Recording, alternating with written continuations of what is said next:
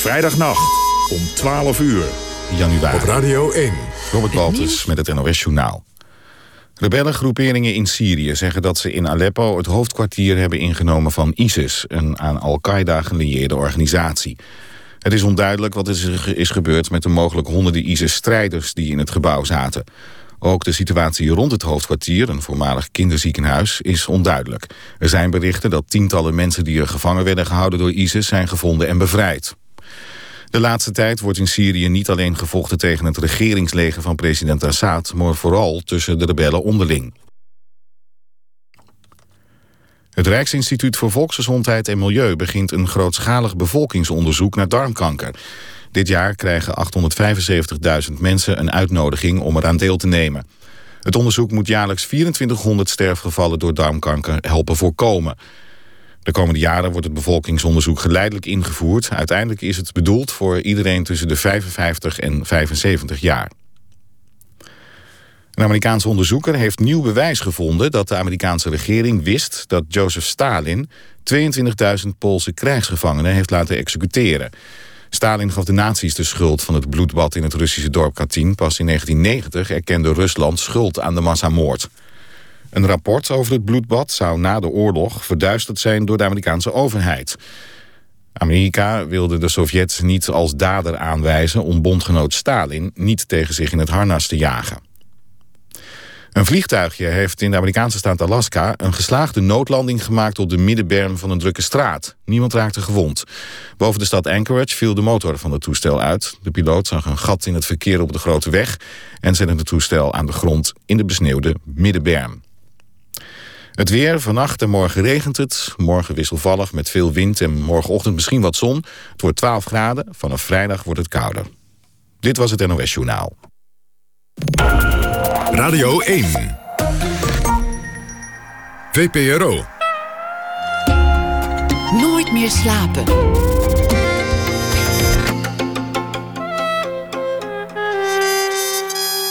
Met Pieter van der Wielen. Goedenavond. Geld, drugs, snelle auto's, mooie vrouwen en vooral heel veel bedrog in het korte thema's van de film The Wolf of Wall Street.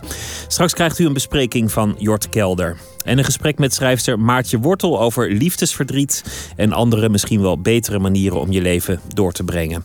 Dat allemaal na ene, maar we beginnen met een uh, milde teleurstelling.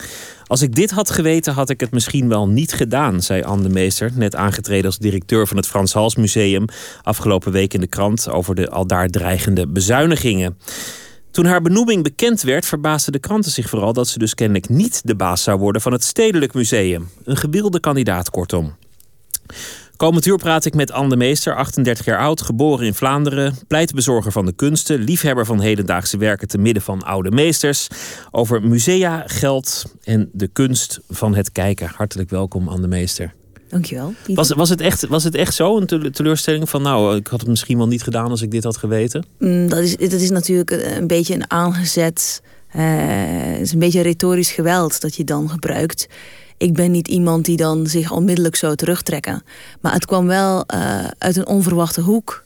Uh, dat er tussentijdse bezuinigingen zouden zijn. Niet alleen op cultuur. De gemeente Haarlem moet gewoon 10 miljoen euro uh, bezuinigen volgend jaar. Daar komen ze niet aan. En daar hoort cultuur ook bij. En ik vond het, e-, wat, het enige wat ik jammer vond, is dat ik hierdoor op een negatieve manier moet beginnen. Uh, ja, het en lijkt me geen leuke start om meteen met een bezuiniging van een nou ja, flink bedrag geconfronteerd te worden. Het, het is vooral, die, die bezuiniging is vooralsnog speculatie. Het is geen fait accompli. En wat mij vooral zelf tegen de borst stoot, is dat dit een soort nationale media-hype wordt. Die vervelend is voor de gemeente Haarlem en voor het museum. Want er is nog helemaal niks beslist. Het kan zijn dat de gemeente extreem op ons bezuinigt, maar hopelijk ook niet. En dit is allemaal aan de nieuwe gemeenteraadsleden. En het is aan mij om te bewijzen dat het Frans Hals Museum en de Hallen een blijvende investering van de gemeente verdienen. En dat is eigenlijk wat ik graag zou willen doen, is er uh, positief instappen en niet met gestrekt been, niet van oké, okay, kom maar op, uh, Robertje vechten, maar meer u, van. Ik u had dit dus... eigenlijk liever buiten de kranten gehouden op dit moment. Ja, ik denk het wel, want nu, kijk, nu, het is natuurlijk campagnetijd. Dit is een, een hot topic voor uh, lokale verkiezingen, de bezuinigingen. Maar dan vertekent bereken je dingen ook. Dan wordt alles op scherp gezet. Terwijl ik denk nu in eerste instantie. Wie heeft het gelekt? Wie, wie is ermee naar buiten het is? Het was ook niet echt geheim. Het is meer dat um, ze, eind oktober heeft de gemeente Haarlem gewoon aangekondigd van wij moeten 10 miljoen euro bezuinigen. We hebben de ambtenaren de opdracht gegeven om een groslijst te maken van mogelijkheden. Uh, die groslijst kwam op 20 miljoen euro. Daar stond het museum op voor een bepaald mogelijk bedrag. Dus dat was eigenlijk bekend. Het, het, was niet eens een scoop. Het is eigenlijk gewoon geen nieuws. Uh, nou ja, de, het, het, of kijk, laten we hopen ook dat het nooit nieuws wordt. Dat is eigenlijk maar dan, dan, verlangen. Dan is er toch een probleem. Wat, wat je zelf ook al zegt. Laat, laten we tutoyeren. Ik weet ja. dat mensen in Vlaanderen graag foevoyeren. Zelfs, zelfs geliefden. Ik, ik hou van ja. u, zeggen ze dan. Maar laten wij in toch Antwerpen. maar in het... Ik kom uit West-Vlaanderen. Daar zeggen we altijd je. Oh, nou dat doen wij ook. Maar, maar laten we het hebben over het bedrag. Hè? Want in de krant staat 8 ton bezuiniging op het Frans Hals Museum dat is dan een bedrag dat gaat zingen. En, ja. en, en dat is gevaarlijk. Want als dan de politiek straks zegt: Nou ja, we bezuinigen drie ton op het museum. Dan, dan zal. Dan denken mensen: Oh, nou toch vijf, ben je goed voor vijf ton gematst. Ja. Nee, en dat is ook waar ik heel erg bang voor. Of ik ben voor twee dingen bang. En dat klinkt dan heel erg angstig. Bang is dus misschien. Ik maak me over twee dingen zorgen. Is één van. Uh, als je directeur wordt van een museum, wil je het hebben over ideeën, over kunst, over waarom het museum belangrijk is, wat het aan waarde kan bijdragen aan de stad, maar ook aan, aan, aan, aan iedere bezoeker die komt. Uh, en wil je niet onmiddellijk uh, als een soort Don Quixote tegen windmolens gaan vechten. En wil je zeker niet in eerste instantie dealen met een soort mogelijk fictief probleem. En het tweede is inderdaad gevaar waar jij op wijst van als hele grote bedragen worden genoemd. En uiteindelijk is de bezuiniging, want die zal er in zekere mate moeten komen, uh, veel kleiner. Dan zullen mensen zeggen: oh, ze komen er zonder kleerscheuren van af. Maar ook een bedrag van 2 ton is een enorme klap. Dus ik denk, ik vind het eigenlijk heel erg jammer dat uh, de Volkskrant en het NRC dit nieuwswaardig vonden. Nou ja, aan de andere kant, ze maken zich zorgen, want het is een prachtig museum. Het is een instituut voor heel Nederland, niet alleen voor Haarlem. Ik kan me alleen niet voorstellen dat het zover komt. Want, want dan was de kop... Frans Hals Museum zal mogelijk uh, verdwijnen. Ja, ik, ik, zie het, ik zie het gewoon dat niet is voor natuurlijk voor de krant een mooie kop. Het is een prachtig, nou, het is een droevige Misschien kop. zal de gemeente Haarlem ooit na de verkiezingen... Um, het museum um, heel erg hard gaan snoeien. Dat is natuurlijk geen sexy kop.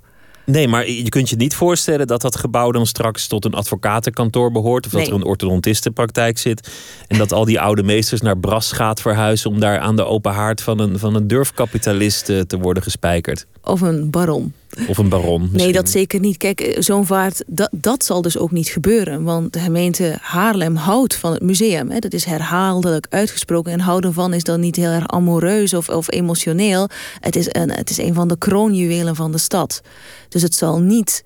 Uh, er zal geen uh, koe op worden gepleegd. Of een terroristische aanslag. Want dat soort bezuiniging van die grootte zou echt een moordaanslag zijn. Dus dat zal niet gebeuren. Maar een, een, een grotere bezuiniging kan er wel aankomen. Een bezuiniging die ingrijpend is, maar niet fataal. Maar daar, het is een beetje onzinnig uh, niet om het daar nu al over te hebben. Want die beslissing ligt eigenlijk in de handen van de toekomstige gemeenteraadsleden... en dus ook in de handen van de burgers van Haarlem... die kiezen voor een bepaalde partij die wel of niet... Uh, dit soort drastische maatregelen wil treffen. Ben je nu al bezig? Ben je aan het lobbyen? Ben je al mensen aan het bewerken? Praat je met politici? Uh, ik heb een gesprek gehad met de wethouder en de burgemeester... samen met de uh, voormalige directeur... waarin we een beetje wij zijn andere persoonlijkheden en pakken dat soort dingen anders aan. En ik heb uh, een, nu een uitnodiging tot gesprek gestuurd naar de fractievoorzitters via het secretariaat van de verschillende partijen om gewoon tot een dialoog te komen. Want ik ben persoonlijk, ik ben aan de ene kant een vechter. En ik ben ook, ik denk Belgen zijn in moeilijke situaties conflictgerichter dan Nederlanders. Als alles goed gaat zijn we vormelijker en vriendelijker en formeler en beleefder. Maar ik denk ook van, als je ergens nieuw bent, dan ga je niet meteen iedereen in zijn gezicht slaan. Dan begin je niet met deuren in te trappen en de boel uh, in brand te steken. Nee, dan begin je met een gesprek van: Hallo, ik ben Anne Meester, ik wil graag dit doen met het museum van en voor Haarlem. Dat is het soort uh, gesprek dat ik zou willen hebben. En niet van pak, pak ons niks af en laat ons met rust. Dat is. Maar als iets zo in de krant wordt gebracht, dan word je bijna gedwongen om ferme uitspraken te doen. En, dan- als je dat niet het, eh, doet, dan wordt het wel een beetje aangedikt. Als je te genuanceerd bent, dan worden een aantal bijvoeglijke naamwoorden uit je tekst geschreven. Of een aantal nuances worden wegens een gebrek aan tekens eh, geannuleerd. Ik ben zelf journalist geweest, dus ik, ik weet hoe dat werkt. Eh, en ik probeer ook nu niet de landelijke media de schuld te geven. Ik denk alleen maar van laten we nu vooral proberen om constructief te zijn. En als de nood aan de man is na maart volgend jaar, dan moeten we echt de alarmklok luiden. En dan, dan moet er zwaar eh, actie gevoerd worden en moeten de draken van stal worden gehaald. Ja, ik Maar vind nu- altijd het probleem met, met politiek dat, je, dat, dat het of nog niet aan de orde is Ja. of al besloten is. Hm. Maar, maar dat moment dat het precies besloten wordt, dat gaat helaas vaak aan, aan me voorbij. En misschien moet ik maar een oproep lanceren, niet alleen aan de raadsleden, maar ook aan de burgers van Haarlem. Voorkom dit, laat dit niet gebeuren. Laten we verstandig en redelijk en intermenselijk zijn. En laten we een museum dat eh, toch van ongelooflijke betekenis is voor de stad Haarlem. Want er is ook het Tijlersmuseum, er zijn een aantal andere musea. Het is niet zoals Amsterdam, waar je en het Rijksmuseum en het Van Gogh en het Stedelijk en de Appel en ontelbare culturele initiatieven hebt. Wat, wat, wat hedendaagse en oude kunst betreft, is het Frans Hals Museum echt de primus inter pares. En dat betekent niet dat je die moet ontzien en volledig beschermen en zeggen van ja, nee, jullie zitten in quarantaine. Maar het betekent wel dat er. ehm, een, een, een gevoel van wederzijdse soort support moet zijn. Een wederzijdse investering. Dan bedoel ik niet alleen financieel.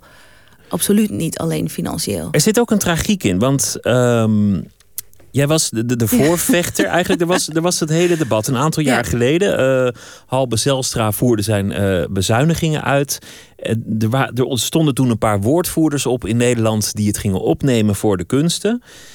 En, en eigenlijk wa- was dat het moment dat Nederland jou leerde kennen. Eh, Dat je op tv verscheen. En, en nu dan een nieuwe functie en meteen weer vechten tegen de bezuinigingen.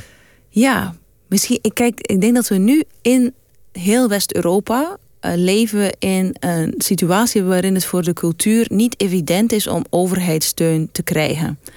Eh, en zeker in Nederland staat dat debat gewoon heel erg op scherp. Dus ik zie het niet zozeer persoonlijk. Ja, natuurlijk denk ik af en toe wel, godverdomme, daar gaan we weer. Maar het gaat niet om mij en het gaat niet om, het gaat zelfs niet eens om het Frans Hals Museum. Eh, het klimaat is nu, is nu gewoon anders. En, en daar moet je anders in handelen en er gebeuren andere dingen in. En als je dat persoonlijk gaat aantrekken, als je denkt dat het noodlot jou achtervolgt, dan wordt het gewoon inderdaad een soort diep persoonlijke tragedie, wat het niet is. Hè, van- La- Laten we het niet hebben over de financiering. ja. Want, want daar moet, kijk, er is natuurlijk als er bezuinigd moet worden. Ik, ik vind niet dat iets heilig is dat je daar niet op zou mogen bezuinigen. eh, en, en om te gaan praten over hoe je fondsen precies verdeelt. Dat, eh, dat gaat het is Ja, detailistisch. ik vind het prima. Maar ehm, het het punt was eigenlijk dat, dat er in het debat met, met veel dédain over de kunsten werd gesproken. En dat is iets wat ook al vaker gesignaleerd is. Ja. Dat het residentieorkest ineens een tromboneclubje werd genoemd. Of, of kunstenaars werden uitvreters Ja. eh, eh, genoemd. En, en dat was tragisch. Dat, dat de toon van het debat zo anti-cultuur was. Ja. Wanneer is Nederland eigenlijk een land van cultuurbewaren geworden? Ja, ik weet niet. Ik denk inderdaad, ik ben het volledig met je eens. En ik heb het al zo vaak gezegd dat ik dan bijna in slaap val als ik het zelf zeg. En van, dat het retorisch geweld waarmee het gebeurd is, eigenlijk de, de, de, de, de, talige oorlog veel erger was dan de financiële consequenties. Eh, die financiële consequenties zijn bijzonder ernstig, maar dat, dat overleven mensen. Maar die eh, aanval op het bestaansrecht van kunst, dat, dat, die, dat is, ja, die is heel fundamenteel geweest en die zindert ook nog steeds na. Er is nu weer meer, er wordt meer respect betoogd, maar je hebt het gevoel dat het ieder moment weer de andere kant kan opgaan. Waar kwam dat vandaan? Ja, ik, ik, ik denk, ik ben, ik, ik ben daar heel erg mee bezig, maar ik ben geen socioloog. Ik ben ook geen antropoloog. Ik ben niet eens een columnist of een journalist die eigenlijk inzicht heeft in, in hoe de Nederlandse maatschappij functioneert. Maar ik denk wel dat het iets te maken heeft met eh, wat Bas Heijn een aantal weken geleden eh, zijn, zijn huizinghaalezing eigenlijk over de eh, onttovering van de wereld. Maar ook wat hij zegt van we zijn een soort homo economicus geworden. En we willen dat alles berekenbaar is, categoriseerbaar, verklaarbaar. Alles moet heel erg duidelijk zijn. Van, uh, moet een duidelijke functie hebben, een duidelijke betekenis. Moet vooral geen onzekerheid oproepen, want de wereld is al zo complex. En dan moeten we niet nog meer complexiteit bij krijgen. Nee, we willen dat dingen eenvoudig zijn, helder, feitelijk. Nuttig. ook cijfermatig en nuttig. En kunst ontsnapt aan die uh, categoriseringsdrang. het is geen. Ehm, het is niet dat kunst volledig onbenoembaar is of iets dat volledig esoterisch is of niet te begrijpen. Het is niet het, het mysterie van het lam Hots, maar het is ook niet zo precies vast te pinnen in hokjes. En ik denk dat dat is wat mensen irriteert of waardoor ze het eigenlijk onnodig vinden. Dingen die irrationeel zijn of ergens niet meteen te plaatsen, vinden we nu vervelend en irritant. Maar je zegt net ook: het is mijn taak als uh, directeur van een museum om, om duidelijk te maken wat het nut is van dat, museum, van dat museum, wat de plek is in de stad en waarom het zo belangrijk is dat daar kunst is. Ja. En dit is het klimaat. Ja. Dus dan moet je extra hard je best doen. En, hoe? en moet je nog harder roepen dan voorheen. En ik denk dat iedere, iedere cultuurproducent zoekt daar een, een eigen manier voor. En mm, ik, ik, ik ben geen soort. Ik ben geen domineesdochter en ik hou niet van preken, maar ik denk wel dat ik zoveel mogelijk in het openbaar moet verkondigen wat ik denk dat de rol van kunst is, los van het eigen museum dat ik leid. Maar misschien ook met, met beleid van het museum. Want, ja, nee, dat zeker ook. Dat, daar breng je het in de praktijk. Maar ik denk ook dat mensen behoefte hebben aan een soort um, uitspraken over. Uh, en dan ik, ik had onlangs een interview met op, opzij en toen zei ik op een bepaald punt: ja, nee, kunst is de brandstof voor de geest. En toen dacht ik van ja, dat klinkt echt als een slechte SP-campagne-slogan. Maar ik denk dat dat soort, uit, dat soort pogingen om onder woorden te brengen van wat het dan wel zou kunnen zijn wel heel belangrijk is. Want ik denk dat eigenlijk is het ook tragisch, want het nut van kunst is net zoiets als het nut van rechtvaardigheid of, of het, het, nut van gezondheid of, of het nut van een mensenleven. Maar blijkbaar leven we nu in een soort maatschappij waarin dat niet meer zo evident is. En ik denk dat dat wel, de extreme mate waarin dat gebeurt, is wel uh, uitzonderlijk in, Nederland. Ik woon al tien jaar niet meer in België, dus het dagdagelijkse leven ontgaat mij. Uh, en misschien ben ik wel helemaal mis, maar ik heb wel sterk het gevoel dat in België is er een soort. Um, ik zei het onlangs ook nog in een debat in de Nieuwe Liefde. Belgen hebben meer een soort aangeboren respect voor autoriteit. En als iets dus de kanon is, het is belangrijke kunst, dan ga je dat gewoon aanvaarden. He, want je gaat niet zeggen, ja nee, Rubens, dat is bullshit. En Luc Tuymans, dat moet totale onzin, crap. Hoe, moet... Nee, dan gaat een Belg denken van... oké, Luc Tuymans is een belangrijk schilder. En Rubens, daar moeten we dus respect voor hebben.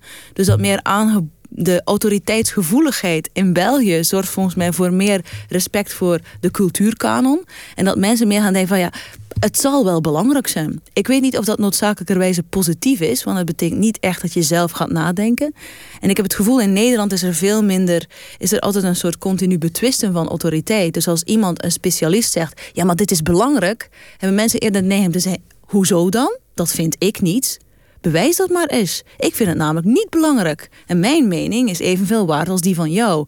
Dus je hebt een ander soort manier van om te gaan met autoriteit, specialisatie, kennis. Uh, en het is natuurlijk in het algemeen zo, dat is niet alleen in Nederland, dat expertise behoorlijk verdacht is geworden. Je kunt maar beter niet te veel afweten van iets, want dan ben je arrogant, elitair, nuffig, dan sluit je je af, je bent geen gewone mens. Uh, dus dat is een, een breder fenomeen. Maar ik denk dat het hier in Nederland misschien wat radicalere vormen aanneemt, omdat mensen dingen individueel meer bevragen. En dat is meer zeggen, ja, maar wat heb. Ik vind dat niet. Dus waarom zou ik jou, waarom zou ik dan, omdat jij toevallig museumdirecteur bent, waarom is jouw mening dan meer waard dan de ander? Dat zit niet in de in de volksaard. We, hebben, we hebben voor dit uur uh, muziek uitgekozen die allemaal iets te maken heeft met uh, musea en, en kunst. Oh, en jij had het al over uh, ja, een beetje degene die onderwijst of, of die vertelt wat goed is en wat niet. Um, een liedje daarover, de Art Teacher, gaat over een eenzame vrouw die terugdenkt aan de kunstgeschiedenisleraar op wie ze verliefd was in New York en die haar meenam naar het Metropolitan. En zijn nummer van Rufus Wainwright. Mm.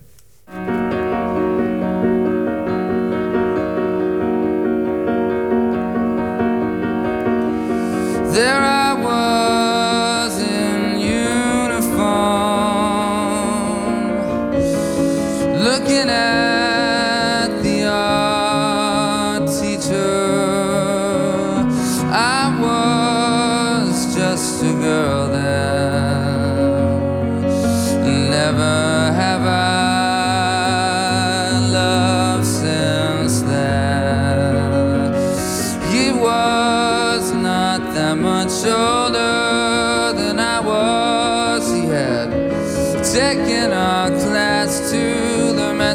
Metropolitan Museum.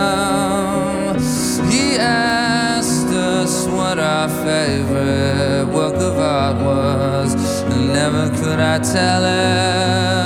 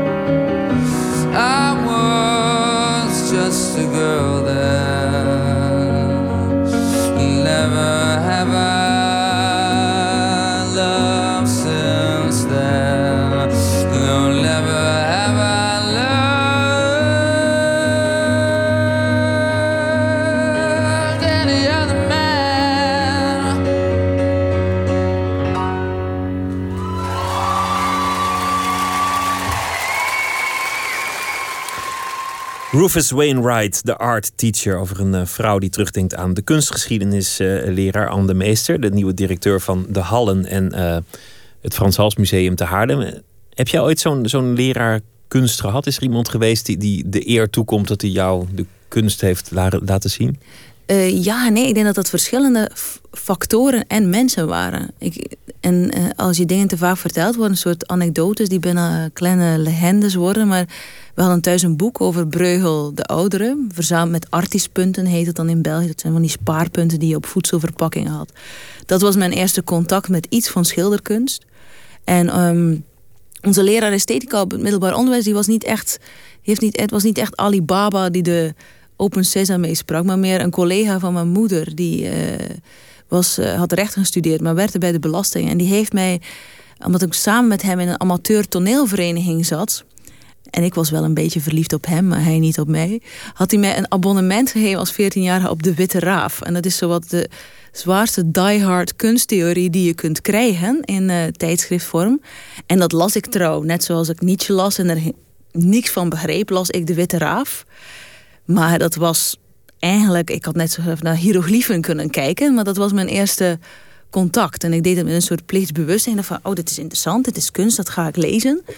En het was eigenlijk net, misschien was dat wel een heel belangrijke incentive om te leren houden van hedendaagse kunst. Dat ik nooit het gevoel heb gehad dat ik kunst moest begrijpen.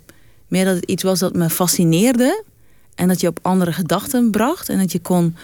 eh, allerlei verhalen omheen spinnen, die zowel uh, intellectueel zijn, maar ook emotioneel. En dat, het, of ja, dat die fascinatie en die nieuwsgierigheid, dat dat uh, de insteek was van hoe je kunst beleeft. Dat is, dat is ook bijna een, een bevrijding, iets, iets, iets loslaten. Want er hangt natuurlijk over hedendaagse kunst altijd onzekerheid. Ja dan, dan uh, ja, daar heb je audiotours voor. Die, die, die, die vertellen dan wat je moet zien. En dan denk je, nou ja, oké, dan is het goed. Of je hebt het, het gezag waar je het net over had. Die zegt, nou, ik zeg dat dit goed is, dus vind jij dat ook. Daar houden we hier niet van, van in Nederland. Maar het is natuurlijk moeilijk om, om voor iets te staan. En te denken, ja, ik, ik snap het gewoon niet. Die stellage, is, is dit nou kunst?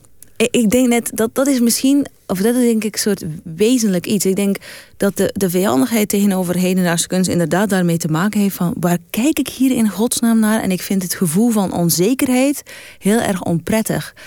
Maar ik denk van dat daar soort de switch in zit. Als je, ik denk dat mensen die uh, in de hedendaagse kunst zitten, vinden die onzekerheid net prettig. Wij vinden dat spannend, uitdagend. Dat je eigen dat je jezelf moet in vraag stellen. Dat je een soort andere, uh, op een andere manier moet denken. Dat er een ding is waar je naar kijkt. Denk, waar denk je, je nooit, eigenlijk geen vat op hebt. Denk je nooit, goh, ja, een, een, stok met, met een oude onderbroek erop. Met, met, ja, tuurlijk met wel. Erin. Er zijn ook bepaalde werken die vind ik zelf ook een beetje soort ja, de kleren van de keizer. Dat ik denk van ja, dit of is conceptuele kunst, hè? Uh, uh, kunststuk 37, het licht uit bij, bij het lichtknopje. Ja, maar je hebt, als je dat soort in één categorie plaatst, dan is het heel snel onzin. Maar net binnen die conceptuele kunst heb je enorm veel gradaties. Je hebt de totale bullshit van kunstenaars die op een hele, bijna zwakzinnige manier daarmee omgaan. Ik denk aan of ja, een kunstenaar waar ik heel veel moeite mee heb, is een Zwitserse kunstenaar, San Keller. En die gaat dan bijvoorbeeld een project doen in de Bijlmer. En gaat hij op het perron staan met een bordje van wie is hier nog nooit naar een museum geweest, ga met mij naar het stedelijk. Daar komt natuurlijk niemand op af. Hè. Dat is een heel loze geste. Maar je hebt ook heel gesofisticeerde conceptuele kunst, die. Uh, die net heel intelligente uh, vragen stelt over over het wezen der dingen. Ik denk aan, dat is dan een, een oudere kunstenaar die, die al dood is, Robert Filiou. Uh, die maakte conceptuele kunst toen het nog niet zo werd genoemd. En hij deed in de jaren 70 in het Stedelijk Museum allerlei uh, acties met bezoekers waarin hij hen levensvragen ging stellen. Dat was toen enorm chockerend. Hij kreeg gewoon een zaaltje in het Stedelijk, daar was niks te zien. Daar zat hij zelf. En hij was eigenlijk, hij nodigde mensen uit om met hem een gesprek te voeren over het leven. Want hij was uh, eigenlijk van opleiding econoom. Hij heeft zelfs nog uh, voor Coca-Cola gewerkt. Hij heeft geadviseerd bij het schrijven van de grondwet van Zuid-Korea.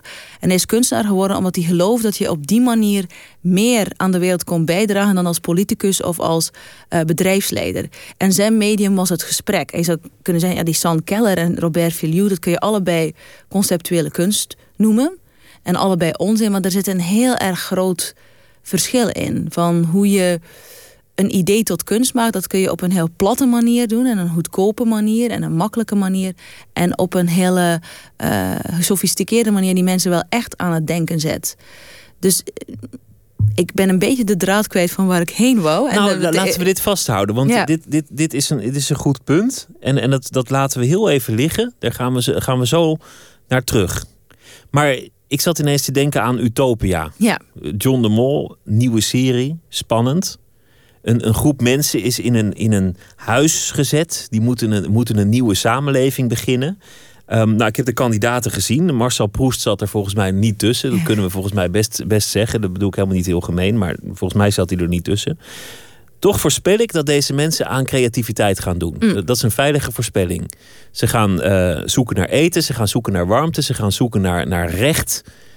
Maar ze gaan ook uiteindelijk zich creatief uit, op wat voor ja. manier dan ook. Weet ik zeker. Ik vind het een heel interessante stelling, want ik. Uh,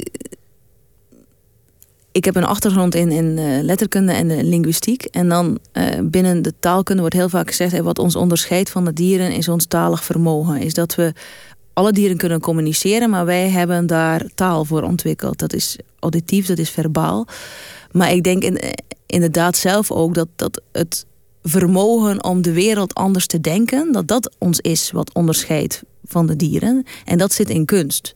En dat het automatisch iets is wat, wat mensen in een besloten gemeenschap gaan doen. Betekent niet noodzakelijk dat ze gaan schilderen of dat ze dingetjes gaan maken.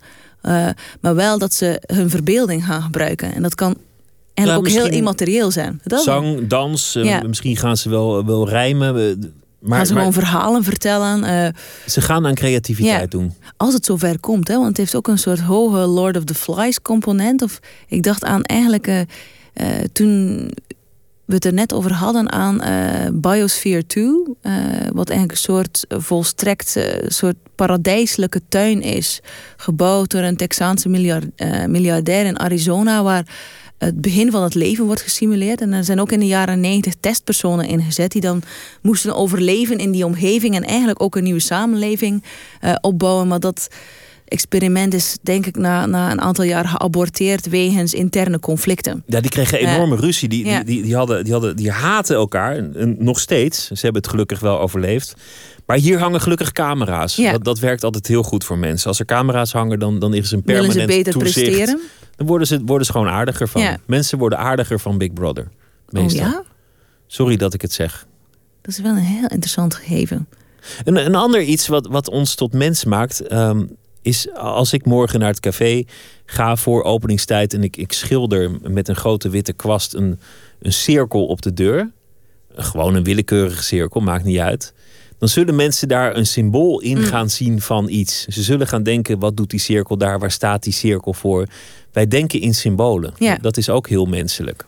Ja, we willen een betekenis geven aan wat we doen. Dus daar ga je alles niet als evident aannemen, maar ga je er een soort dubbele bodem achter zoeken of een tweede betekenis die niet onmiddellijk leesbaar is. Maar misschien is dat wel een hele romantische opvatting. Misschien blijkt na één seizoen van Utopia dat mensen inderdaad alleen maar elkaar de kop inslaan en dat er verder helemaal niks gebeurt. Nou ja, is ook goede televisie Ja. natuurlijk. We hadden het erover dat, dat niet elke eh, conceptuele kunst meteen ook goede kunst is. Dat is natuurlijk moeilijk om te bepalen. Het heeft zich nog niet bewezen. Inmiddels kan iedereen zeggen dat Rembrandt een goede schilder was. En, en de meeste mensen zijn ook wel zover dat Mondriaan relevant is. Ja. Maar met die hedendaagse kunst lijkt het mij moeilijk om het kaf van het koren, om het maar bijbels te zeggen, te scheiden. Ja en nee. Kijk, als je denkt aan. eh, ik had vanmiddag een, een heel leuk gesprek met Karen van Gils, de zakelijk directeur van het Stedelijk Museum. En ze zei van een van de voorbeelden die ik altijd gebruik als mensen het weer hebben over wat programmeren jullie toch voor onzinnige dingen, is van in 1906 of 1908 hadden zij de eerste overzichtstentoonstelling van Vincent van Gogh. En toen was dat een reden voor de toenmalige burgemeester van Amsterdam om de directeur op het matje te roepen en te zeggen van ben je helemaal van de pot gerukt? Wat tonen jullie daar? Wat voor afgrijzelijke amateuristische schilderijen. Dit kan gewoon niet als stedelijk museum. 1908, 2013, dat is een hele hè, beperkte periode, maar in die korte periode is het volledig gekenterd. En Vincent van Gogh is de Nederlandse nationale held. Hij is het prototype van de kunstenaar. Dus zoveel tijd heeft het eigenlijk helemaal eh, niet nodig. Het heeft 100 jaar tijd nodig, blijkbaar, om, om te draaien of om te kenteren. En de conceptuele kunst is ondertussen toch ook al 50 jaar oud. Dus ik ben heel optimistisch. Ik denk van het is ongeveer eh, begonnen met, je zou kunnen zeggen, het is al begonnen met Marcel Duchamp, eigenlijk ook eh, aan het begin van de vorige eeuw. Dus we zijn er bijna klaar voor om deze nieuwe vorm van kunst te aanvaarden als eh, onderdeel van de kanon. Maar dan nog, als, als het gaat over echt dingen van nu. Ja. Die- dingen die het verdienen om in een museum te, eh, te hangen of, of te staan of, eh, of te liggen. Om dan te zeggen, ja, dit is spannend, hier moet ik op inzetten en, en, en dit moet ik vergeten. Dat lijkt me toch moeilijker met hedendaagse kunst dan, dan met wat oudere kunst. Ja. En dan reken ik Duchamp ook maar gewoon lekker tot de oude kunst. Ja.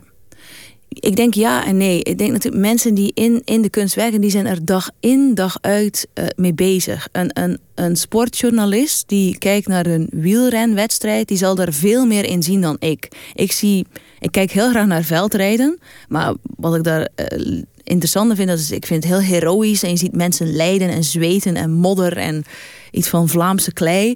Verder zie ik helemaal niks. Omdat ik gewoon nooit naar veldrijden kijk. Mijn oog is niet getraind om naar veldrijden te kijken. Die sportjournalist wel. Die ziet veel meer nuances. Die ziet wat er echt gebeurt. Die ziet van waarom de ene renner toch veel beter is dan de andere. En dat is ook zo met mensen die dag in dag uit met kunst werken. Je oog en je denkvermogen wordt veel beter getraind. Dus je, Je leert een- beter kijken. je leert beter kijken en je leert een beter ook beter denken over kunst. Want kunst, de dag van vandaag, is niet alleen beeld. Het is niet alleen kijken. Het is een soort combi van kijken, denken en voelen. Laat, laten we dat toch tezamen kijken noemen. Ja. Want, want, want denken en voelen is, is uiteindelijk misschien ook een afgeleide van, Mm. van, van kijken. Ik, ik noem het generaliserend kijken. Ja. Oscar Wilde heeft wel eens gezegd dat niemand eigenlijk ooit het had over de mist in Londen voordat Whistler het schilderde. Ja.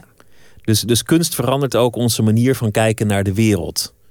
Voor eens en voor altijd. Ja. Maar je moet ook leren kijken naar die kunst. Ja. Hoe leer je dat? Wat is de kunst van het kijken? Ja, dit- ik denk dat er verschillende manieren zijn. Ik denk altijd van. Maar de manier voor iemand die interesse heeft, want dat is denk ik het basisonderscheid. Van, heb je een soort hele basis nieuwsgierigheid naar kunst of niet?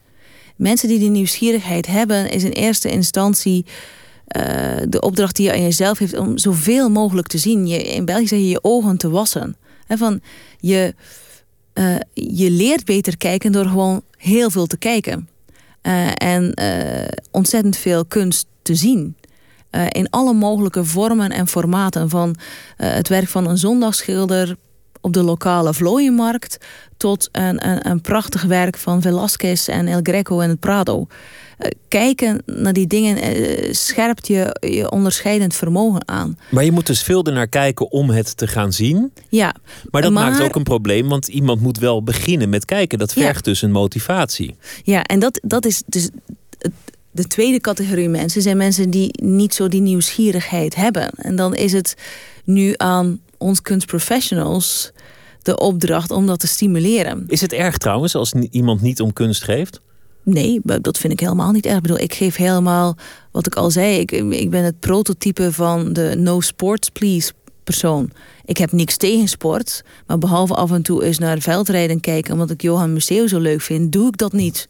Maar ik ben er ook niet tegen. Dus met kunst vind ik dat eigenlijk hetzelfde. Van, mensen hoeven helemaal niet van kunst te houden.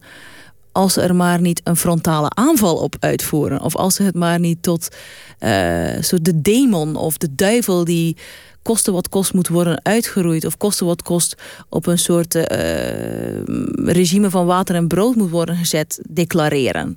Ik denk niet dat mensen moeten van kunst houden. Maar het is wel zo eh, dat het een ongelooflijke andersoortige dimensie eh, kan geven. Maar dan moet je er wel in eerste instantie voor openstaan. En als die nieuwsgierigheid er niet is, dan is het quasi onmogelijk om mensen te overtuigen. Want dan word je inderdaad, ik eerder zeg van, dan word je een soort. Als, museum word je dan een soort getuige van Jehovah. Dan probeer je continu je voet tussen de deur te steken en mensen je pamfletjes onder de neus te duwen, want jij gelooft het. Dus moet, de deur moet op een kier staan. En dan kan er heel veel gebeuren. En ik geloof altijd in een soort gecombineerde aanpak. Ik geloof niet in het feit dat mensen heel veel moeten weten om naar kunst te kijken.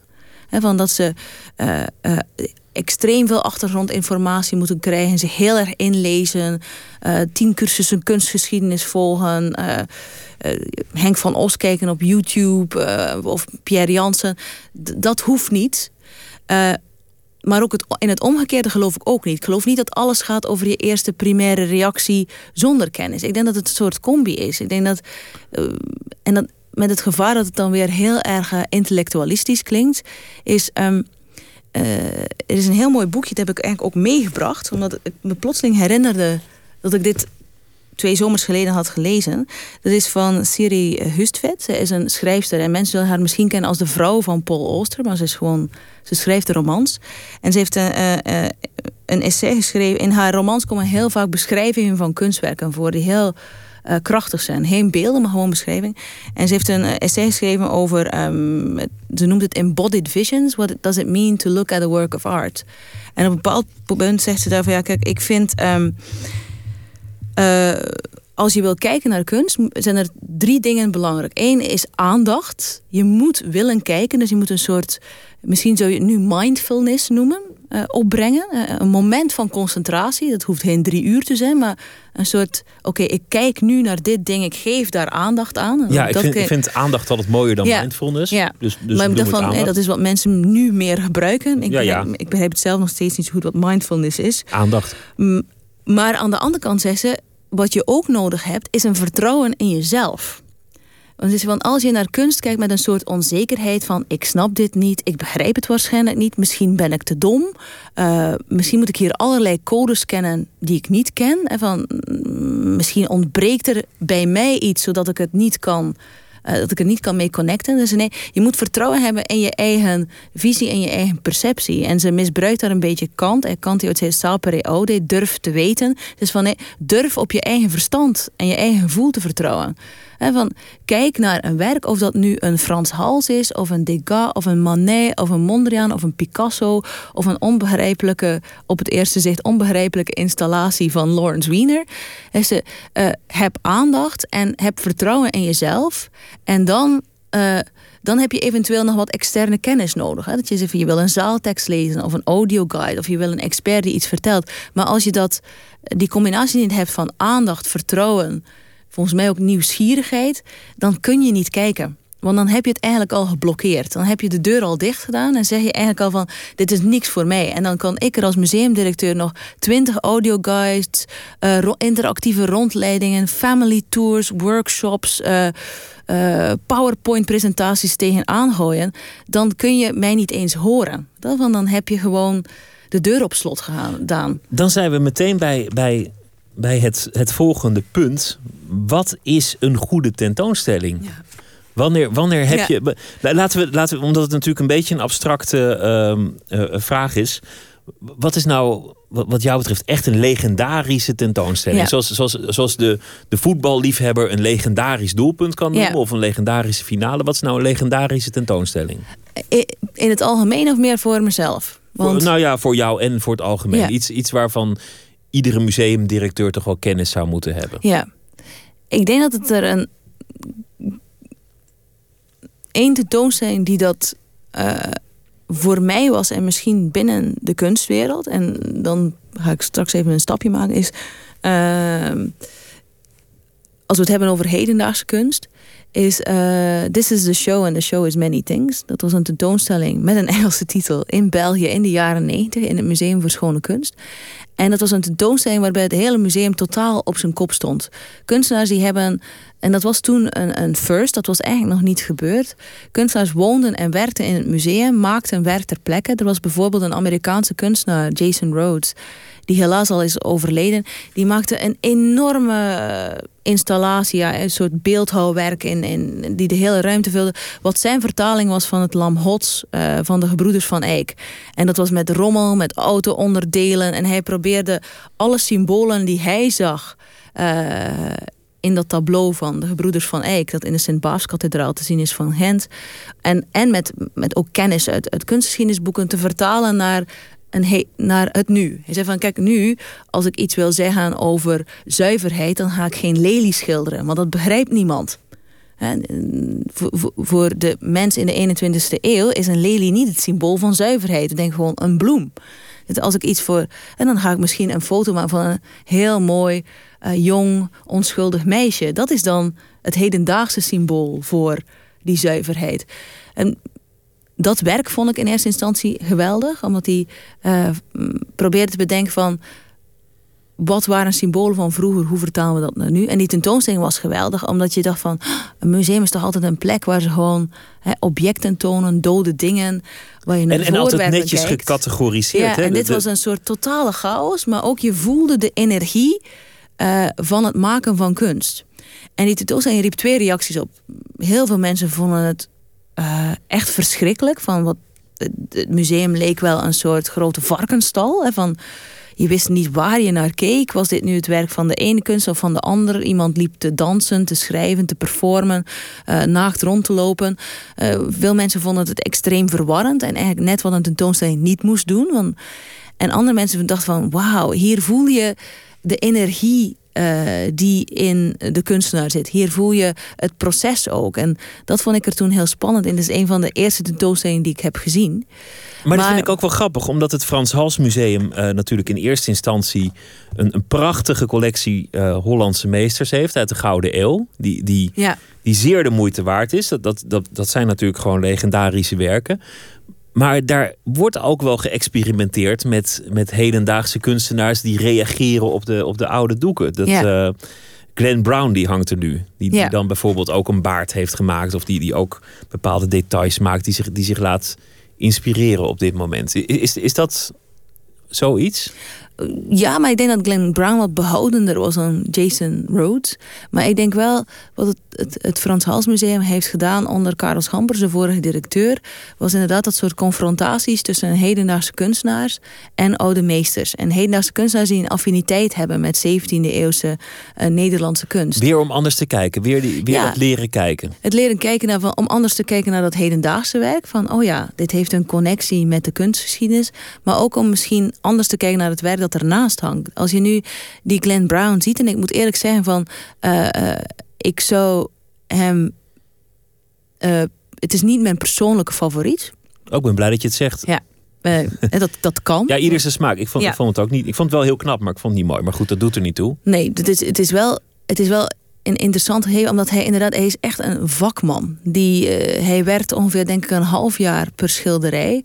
Je kunt ze echt nu, het Frans Hals, eh, kun je ze heel goed van dichtbij bestuderen. Wat hij eigenlijk doet, hij maakt een.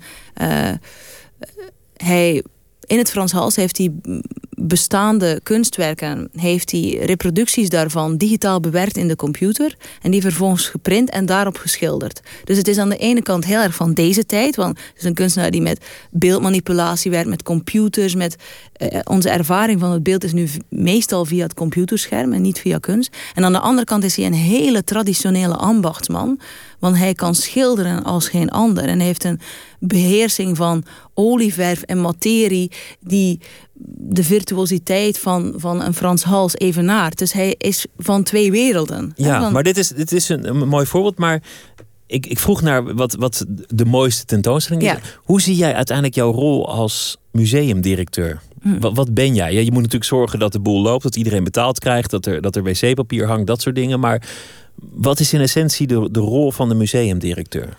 Ik denk toch heel een beetje corny een inspirator. En in het geval van het Frans Hals Museum en de Hallen is mijn soort punt aan de horizon is dat ik heel erg geloof dat die, of dat is niet eens een geloof, het is voor mij soort evidentie dat eh, de oude kunst en de hedendaagse kunst, als je zo'n brede categorieën kunt gebruiken, zijn een soort Siamese tweeling. Dat is Castor en Pollux. Die zijn met elkaar verbonden met een soort navelstreng. En we hebben heel sterk de neiging om die als apart te zien. Van oude kunst denken heel veel mensen dat is goed en waardevol en dat begrijp ik, want het is figuratief. Ik kan zien daar staat een hond op en daar staat een man op en een bloem. Dus dat is direct. En hedendaagse kunst is dan eh, het omgekeerde, want het is heel vaak abstract of het is een idee. Je, weet niet precies wat het is. Dus het lijkt heel erg afstandelijk en ontoegankelijk. Maar je kunt dat ook omkeren. Kijk, ik ben. Als ik naar, eh, met, een, met de conservator 17e eeuwse kunst naar een schilderij zou kijken, dan ziet hij dingen die ik en een gewone bezoeker nooit zal zien. Eh, zij en in die zin begrijpen wij die oude kunst niet. Want daar staan ook allerlei, eh, zijn allerlei iconografische en iconologische elementen die we nog niet kunnen ontcijferen. Waarvan we niet weten waarom heeft de kunstenaar dat zo gemaakt. Hoe begrepen mensen dat in die tijd? We, we herkennen het plaatje, maar we herkennen niet de betekenis. En het omgekeerde is vaak met hedendaagse kunst. Die kunstenaars zijn van onze eigen tijd. Ze tonen eigenlijk dingen, dingen die we allemaal zien en allemaal kennen. Maar die misschien waar we te dichtbij op zitten, zodat we ze niet herkennen. Dus er is afstand nodig om te kijken naar het nu. En dat is wat ik er bij het Frans Hals in de Hallen spannend aan vind. Van hoe je die, de vermeende eh, ontoegankelijkheid van de hedendaagse kunst en de vermeende toegankelijkheid van de oude kunst, hoe je dat samen kunt brengen zodat het eigenlijk elkaar opheft. Het wordt, Eh. een, eh, het wordt volgens mij een hele spannende tijd in het eh, Frans Hals Museum de, de komende jaren. Dankjewel. We, we, we zitten er alweer doorheen. We hebben, Oh. het, we hebben het gedaan. Anne de Meester, dankjewel. En ehm, we gaan nog luisteren naar een ehm, muziekje dat te maken heeft met, ehm, met een museum. En dat is in een wat meer overdrachtelijke zin een eh, liedje dat heet Museum of Flight. Over eh, vliegen en vallen in de liefde van Damien Jurado.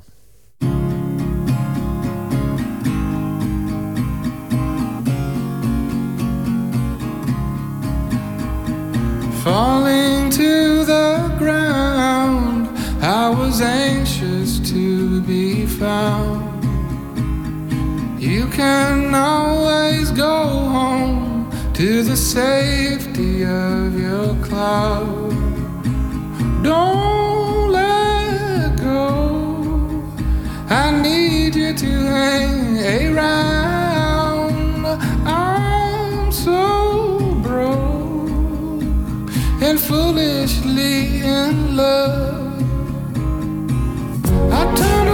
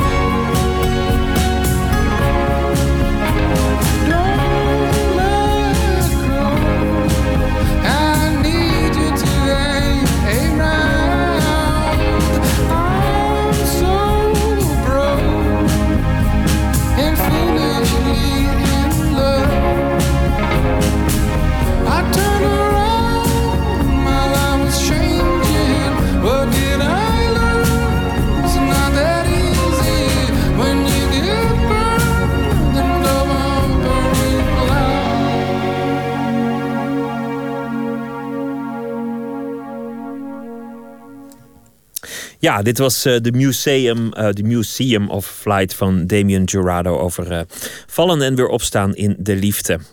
Elke dag eh, praten we over eh, beginnen. We bezoeken mensen die eh, aan het begin staan van een nieuw avontuur in 2014. En Inge Ter Schuren die spreekt vandaag wederom een Vlaamse cultuurman die naar Nederland is gekomen. Theaterman Johan Reiniers was ooit hoofdredacteur van het theatermagazine Et cetera en artistiek directeur van het Brusselse Kai Theater. Maar nu is hij aangetreden als dramaturg bij Toneelgroep Amsterdam. Als ik zo kijk, dan. Want ik heb nog nooit daarover nagedacht hoe ik het zou moeten noemen, maar het lijkt me heel divers. Het gaat van antieke stukken, mm, die echt wel mijn lievelingsstukken zijn, eh, antieke tragedies en comedies, over middeleeuws toneel, eh, de barok, Vondel, tot het eh, hedendaagse toneel, tot, tot Tom Lanois, zeg maar, en, en, en, en stukken die vandaag worden geschreven en, en opgevoerd. Een hele plank met eh, toneelstukken in de boekenkast. In één van de boekenkasten, moet ik zeggen, van eh, Johan Reiniers. Eh, vanaf nu de nieuwe dramaturg van Toneelgroep Amsterdam. Welke van deze stukken hier in de kast zou geschikt zijn voor Toneelgroep Amsterdam? Ik weet niet of ik dat zo meteen mag zeggen.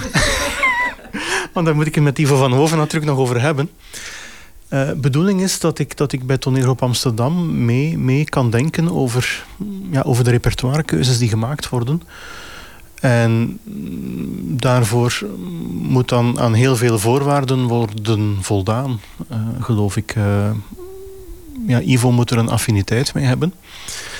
Tegelijk moeten het stukken zijn die je kunt vertalen of, of die, die, die je zo kunt anseneren dat ze op zich staan, maar dat ze ook iets kunnen zeggen over waar we vandaag mee bezig zijn. Eh, niet, niet, niet, niet daarom wat, wat, eh, wat in de krant staat, gaat niet om de directe actualiteit, maar over iets dat, dat in onze tijd een rol speelt en dat iets, iets eh, zegt over hoe we vandaag leven en, en, en denken over dingen en hoe we daarmee verder kunnen. Gaan we het merken dat je de nieuwe dramaturg bent bij Toneelgroep Amsterdam? Gaat er een bepaald stempel komen? Het is een beetje voorbarig om, om, om daar nu iets over te zeggen. Ik ik zou zeggen dat ik, dat ik hoop een, een, een inspirerende bijdrage te kunnen leveren tot wat het gezelschap doet. En, en als dat uh, het geval zal zijn, dan, dan zul je dat wel ergens aan kunnen merken. Maar zonder dat het al te opzichtig is natuurlijk. Het, het gaat om het gezelschap waar ik voor werk. En het gezelschap is één geheel dat naar buiten komt, uh, los, los van mijn persoon. Wederom een Vlaming die naar Nederland komt, naar toneelgroep Amsterdam. Uh, het worden er steeds meer. Die samenwerking wordt steeds uh, intensiever. Ja, en ik vind, ik vind dat heel mooi en heel belangrijk. Want Vlaanderen en Nederland zijn toch meer dan vroeger twee verschillende landen. Toen, toen ik klein was, toen had je nog geen commerciële televisie. Uh, hier niet en in Nederland ook niet. En we keken toch veel meer naar elkaars zenders, want er was veel minder aanbod. En door de commercialisering van de televisie zijn we elkaar voor een goed deel uit het oog verloren. Want de commerciële zenders in Nederland zitten hier niet op de kabel. En omgekeerd uh, ook niet. Waardoor een, een stuk van, van waar we mee bezig zijn aan elkaars aandacht ontsnapt. Maar gelukkig heb je nog wel het toneel. En het toneel is toch iets dat, dat in een uh, aantal aspecten Vlaanderen en Nederland blijft uh, verenigen en aan elkaar haken. En, en ik denk dat een gezelschap als Toneelgroep Amsterdam, dat nu bijvoorbeeld ook co-producties heeft met, met het Toneelhuis. dit seizoen komt er nog een, een, nieuw stuk van Tom Lanois dat ze, dat ze samen maken. Hamlet versus Hamlet. En, en dat, dat op, op dat op die manier de, de, de, twee landen toch nog altijd ergens aan elkaar gaan, gaan haken door, door dat toneel. En dat, dat vind ik heel mooi. We staan hier in jouw eh, werkkamer, in je appartement in Brussel. Ik zie nog niet heel veel ingepakte verhuisdozen staan. Nee, ik ben er nog niet echt aan toegekomen. Maar goed, de kerstvakantie nog maar pas achter de rug. En ik weet ook nog maar van net voor de kerstvakantie dat ik naar Amsterdam zal gaan. Uh, dat, dat inpakken, dat, dat komt er binnenkort uh, wel van. Uh, tegen, tegen maart is het de bedoeling dat ik in Amsterdam aan het, aan het werk zal zijn. En de vraag die ik als allereerste stelde, die toch nog niet helemaal is beantwoord... en dat ik stiekem nog even probeer. Heb je al een idee wat het eerste stuk zou kunnen zijn... voor toneelgroep Amsterdam, wat jij erg vindt passen bij het gezelschap? Ik, ik, zou, ik zou Ivo en, en toneelgroep Amsterdam heel graag een grotere cyclus rond met Griekse antieke tragedies zien doen. Maar goed, uh, dat hangt allemaal af van, van, van hoe de kaarten liggen, wat de affiniteiten zijn met, met die stukken en, en wat we ermee kunnen en willen zeggen. Dus dat zien we dan wel. Er zijn zoveel mogelijkheden en uh, laten we ons nu niet ergens op vastpinnen, maar zien wat er, wat er, wat er uit, die, uit die samenwerking kan komen. We houden het in de gaten, dankjewel. Dankjewel.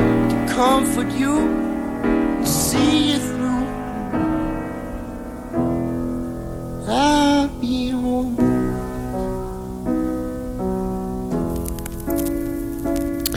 Inge Terschuren was dat in gesprek met dramaturg Johan Reiniers van toneelgroep Amsterdam. En morgen hoort u het begin van Ferry Mingelen.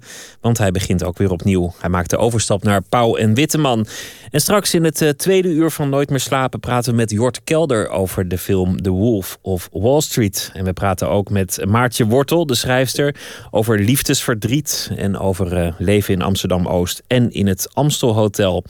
En uh, u hoort ehm, de bespiegeling op de actualiteit. Het antwoord in fictie op uh, de waarheid van de kranten van Esther Naomi Perquin zometeen. Ik ben benieuwd waar ze mee op de proppen komt uh, straks. En uh, we hebben ook tips om de nacht door te komen. Die komen van Marjolein van Heemstra. Zij is schrijver, dichter en theatermaker. En die vertelt wat haar ooit door de nacht heeft geholpen. Dat hoort u straks ook allemaal in het tweede uur van Nooit meer slapen. Dus ik hoop dat u blijft luisteren. En tot zometeen.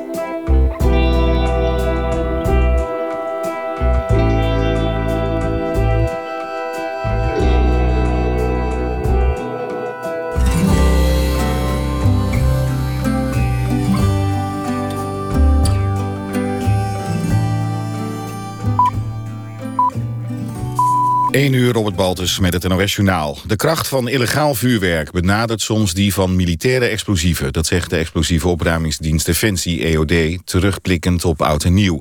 Het noemt de ontwikkelingen rond illegaal vuurwerk erg zorgwekkend. Bij een ruiming is niet duidelijk om welke springstoffen het gaat. Daardoor is het lastig om de gevoeligheid en de kracht in te schatten. De afgelopen maand werd in meerdere woningen honderden kilo's zeer zwaar vuurwerk gevonden. In één geval werd zelfs een hoeveelheid springstof gevonden... die vergelijkbaar is met een lading van een bom uit de Tweede Wereldoorlog. Bondskanselier Merkel gaat op bezoek bij president Obama. Tijdens een telefonisch gesprek nodigde de Amerikaanse president haar uit om langs te komen. Het bezoek moet in de komende maanden plaatsvinden. Merkel is sinds 2011 niet meer in Washington geweest... nadat bleek dat ze jarenlang is afgeluisterd door de Amerikanen. Obama feliciteerde Merkel ook met haar nieuwe regering... en wenste haar een spoedig herstel na haar langlauf-ongeluk. Rebellengroeperingen in Syrië zeggen dat ze in Aleppo het hoofdkwartier hebben ingenomen van ISIS, een aan Al-Qaeda gelinieerde organisatie. Het is onduidelijk wat er is gebeurd met de mogelijk honderden ISIS-strijders die in het gebouw zaten. Ook de situatie rond het hoofdkwartier, een voormalig kinderziekenhuis, is onduidelijk. Er zijn berichten dat de tientallen mensen die er gevangen werden gehouden door ISIS zijn gevonden en bevrijd. De laatste tijd wordt in Syrië niet alleen gevochten tegen het regeringsleger van president Assad, maar vooral tussen de rebellen onderling. Het Rijksinstituut voor Volksgezondheid en Milieu begint een grootschalig bevolkingsonderzoek naar darmkanker. Dit jaar krijgen 875.000 mensen een uitnodiging om eraan deel te nemen. Het onderzoek moet jaarlijks 2400 sterfgevallen door darmkanker helpen voorkomen. De komende jaren wordt het bevolkingsonderzoek geleidelijk ingevoerd. Uiteindelijk is het bedoeld voor iedereen tussen de 55 en 75 jaar. Het weer vannacht en morgen regent het, morgen wisselvallig met veel wind. En morgenochtend misschien wat zon. Het wordt 12 graden en vanaf vrijdag wordt het kouder. Dit was het NOS Journaal. Radio 1. VPRO. Meer slapen.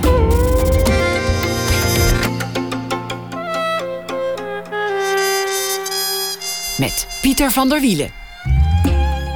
Welkom terug bij Nooit meer slapen. We gaan het hebben over drugs en bedrog en geld en snelle auto's en vrouwen. Kortom, over de film The Wolf of Wall Street. U hoort straks een bespreking van Jort Kelder. En we praten ook met schrijfster Maartje Wortel over haar tweede boek. En u krijgt eh, tips om de nacht door te komen. Dat vragen wij elke avond aan iemand uit de kunsten. En vandaag krijgt u wat Marjolein van Heemstra, dichter en theatermaker en schrijver, ooit door de nacht heeft geholpen. Maar eerst bel ik altijd uh, met iemand, uh, een schrijver of dichter om te kijken of de actualiteit de literatuur kan inspireren. En deze week is dat VSB Poëzie winnares Esther Naomi Perquin. Goeienacht. Goeienacht. Ik was al de hele dag benieuwd waar je vandaag weer mee zou komen. Alle, alle kranten gelezen en bij elke kop dacht ik... zou dit iets zijn waardoor jij je hebt laten inspireren? Ja, ik, ik ben benieuwd of je, het, uh, of je het goed had. Maar het gaat over Siert Bruins vandaag. En, um, en het, het, feit dat het proces niet doorgaat en, en, en dat er dus een uh, oud SS'er uh, nou ja, de, de, zaal uitloopt. En er waren daar twee woorden die heel erg opvielen en daar, um, daar ga ik het over hebben. Ik ben benieuwd. Laat horen. Het woord waar het in de Duitse rechtszaal om draaide was heimtückisch. Boosaardig, uitgekookt, vals. Dat woord moest worden vastgekleefd aan een oude man. Maar het viel steeds van hem af. Hij zag er niet heimtukisch uit. Maar hij was erbij, 70 jaar geleden. Hij was verantwoordelijk. Of minstens medeplichtig. En steeds viel dat woord weer, heimtukisch. Je zou denken dat het daarom ging. Maar voor wie beter luisterde, draaide het om een ander woord argeloos. Volgens de vandalen aan geen kwaad denkend. Je leest het vaker in de krant in de definitie argeloze voorbijganger. In de vroege ochtend van 8 januari lees je bijvoorbeeld... trof een argeloze voorbijganger het lichaam aan. Zulke voorbijgangers verwachten vogeltjes te horen... een stok weg te moeten gooien voor de hond... een passant te groeten. Maar niet het kwade, niet de dood... In de zaal werd langzaam maar zeker duidelijk dat niet bewezen kon worden of de omgebrachte verzetstrijder argeloos was geweest. Het verbaasde buitenlandse journalisten. Zoiets suggereerde, fluisterden zij, dat je in Duitsland lager werd gestraft wanneer je je bedoeling vooraf kenbaar had gemaakt. Wanneer je je slachtoffer zogezegd van zijn argeloosheid had ontheven. Dat andere woord heimtükisch, dat begrepen ze. Niet om wat het slachtoffer wel of niet vermoedde, maar om wat de dader wel of niet van plan was geweest. Daar moest het toch om gaan. Maar dat woord bleef vallen. Het kleefde niet. Het landde naast argeloos op de vloer van de zaal. De oude man was vrij om te gaan. Er werd toen, en dat haalde geen enkele krant, zacht maar grondig, binnensmonds maar tweetalig en uiterst welgemeend gevloekt. Ja, wat een moment was dat uh, inderdaad. Ja. Ik vind, ik vind het toch altijd gek met, met, uh, nou ja, met oude naties, uh, zeg maar, of, of, of oude, oude fouten. Dat in der tijd zoveel mensen vrijuit zijn gegaan. En dat dan degenen die lang hebben geleefd en nu nog ontdekt worden, dat die dan ineens een enorm publiek proces krijgen. Terwijl de veel grotere schurken nog een prettig leven lang en gelukkig hebben gehad. Ja, ik heb me wel heel lang afgevraagd waarom men zo laat begonnen is. Er zijn natuurlijk heel veel mensen die zich dat afvragen. Uh, en ik, los daarvan vond ik het vandaag vooral verbijsterend. Dat, dat, wist ik echt niet dat in Duitsland dus die argeloosheid daadwerkelijk meespeelt in het bepalen van of iets moord is of niet. Wij kijken alleen naar de dader en daar kijken ze dus ook naar de staat van het slachtoffer. Alsof dat, nou ja, in mijn ogen, ik, ik, denk dan dat doet er toch volstrekt niet toe of die man het nu wist of niet.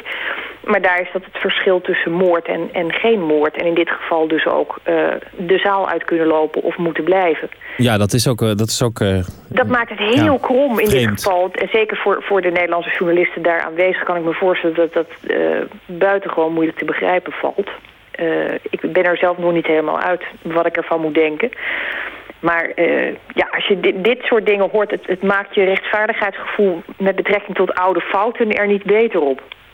Nee, het rechtvaardigheidsgevoel bekroop me ook niet meteen bij het zien hiervan. Maar aan de andere kant, ja, het, het is niet, niet goed om te zeggen, maar uh, er zijn er zoveel vrij uitgegaan. Eentje meer, nou ja, het, het is jammer, maar het moet dan maar, toch? Ja, denk je? Nou, ik weet het eigenlijk niet. Maar... Ja, ik had gehoopt dat het, nou ja, juist die laatste laten we daar dan... Ja. ja, ach, en dan zit hij nog een paar jaar. Ik weet het niet. Het is allemaal gebeurd en het is al tragisch genoeg. Ja, ja voor de familie ging het, ging het vooral om het woord schuldig. En dat kan ik me heel goed voorstellen. Ze zeiden, eh, hij mag het best thuis uitzitten.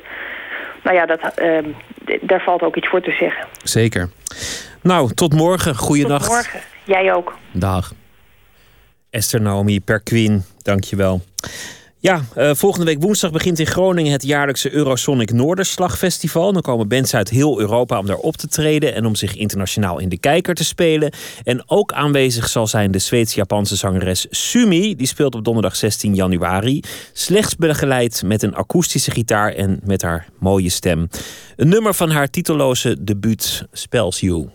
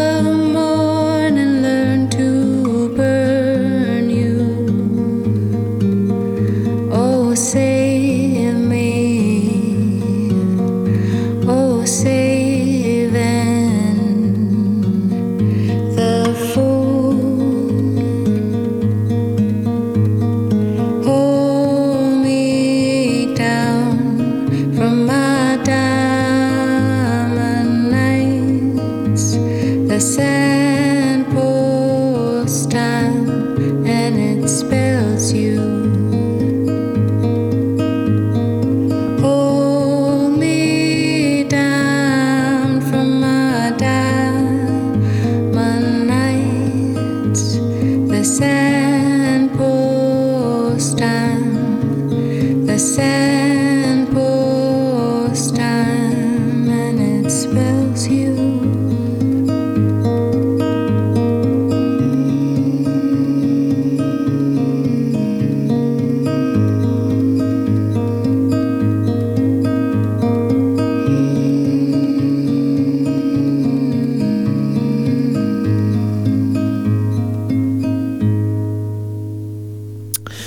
Sandra Sumi Nagano uit Göteborg in Zweden. Een nummer van haar eerste cd en dat heette Spells You.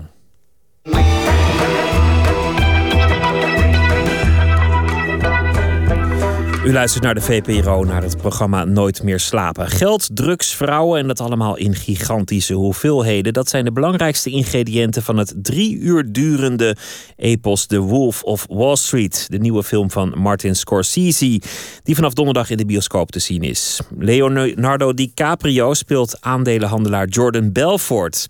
En deze Belfort wist met zijn bedrijf Stratton Oakmont in de jaren 90 200 miljoen te verdienen op een manier die niet helemaal legaal was. Hoe was dat mogelijk? Kwam het door de naïviteit van zijn klanten of omdat het systeem waarin hij werkte nou eenmaal boeven aantrekt? Floortje Smit bespreekt de film met hebzuchtdeskundige Jort Kelder.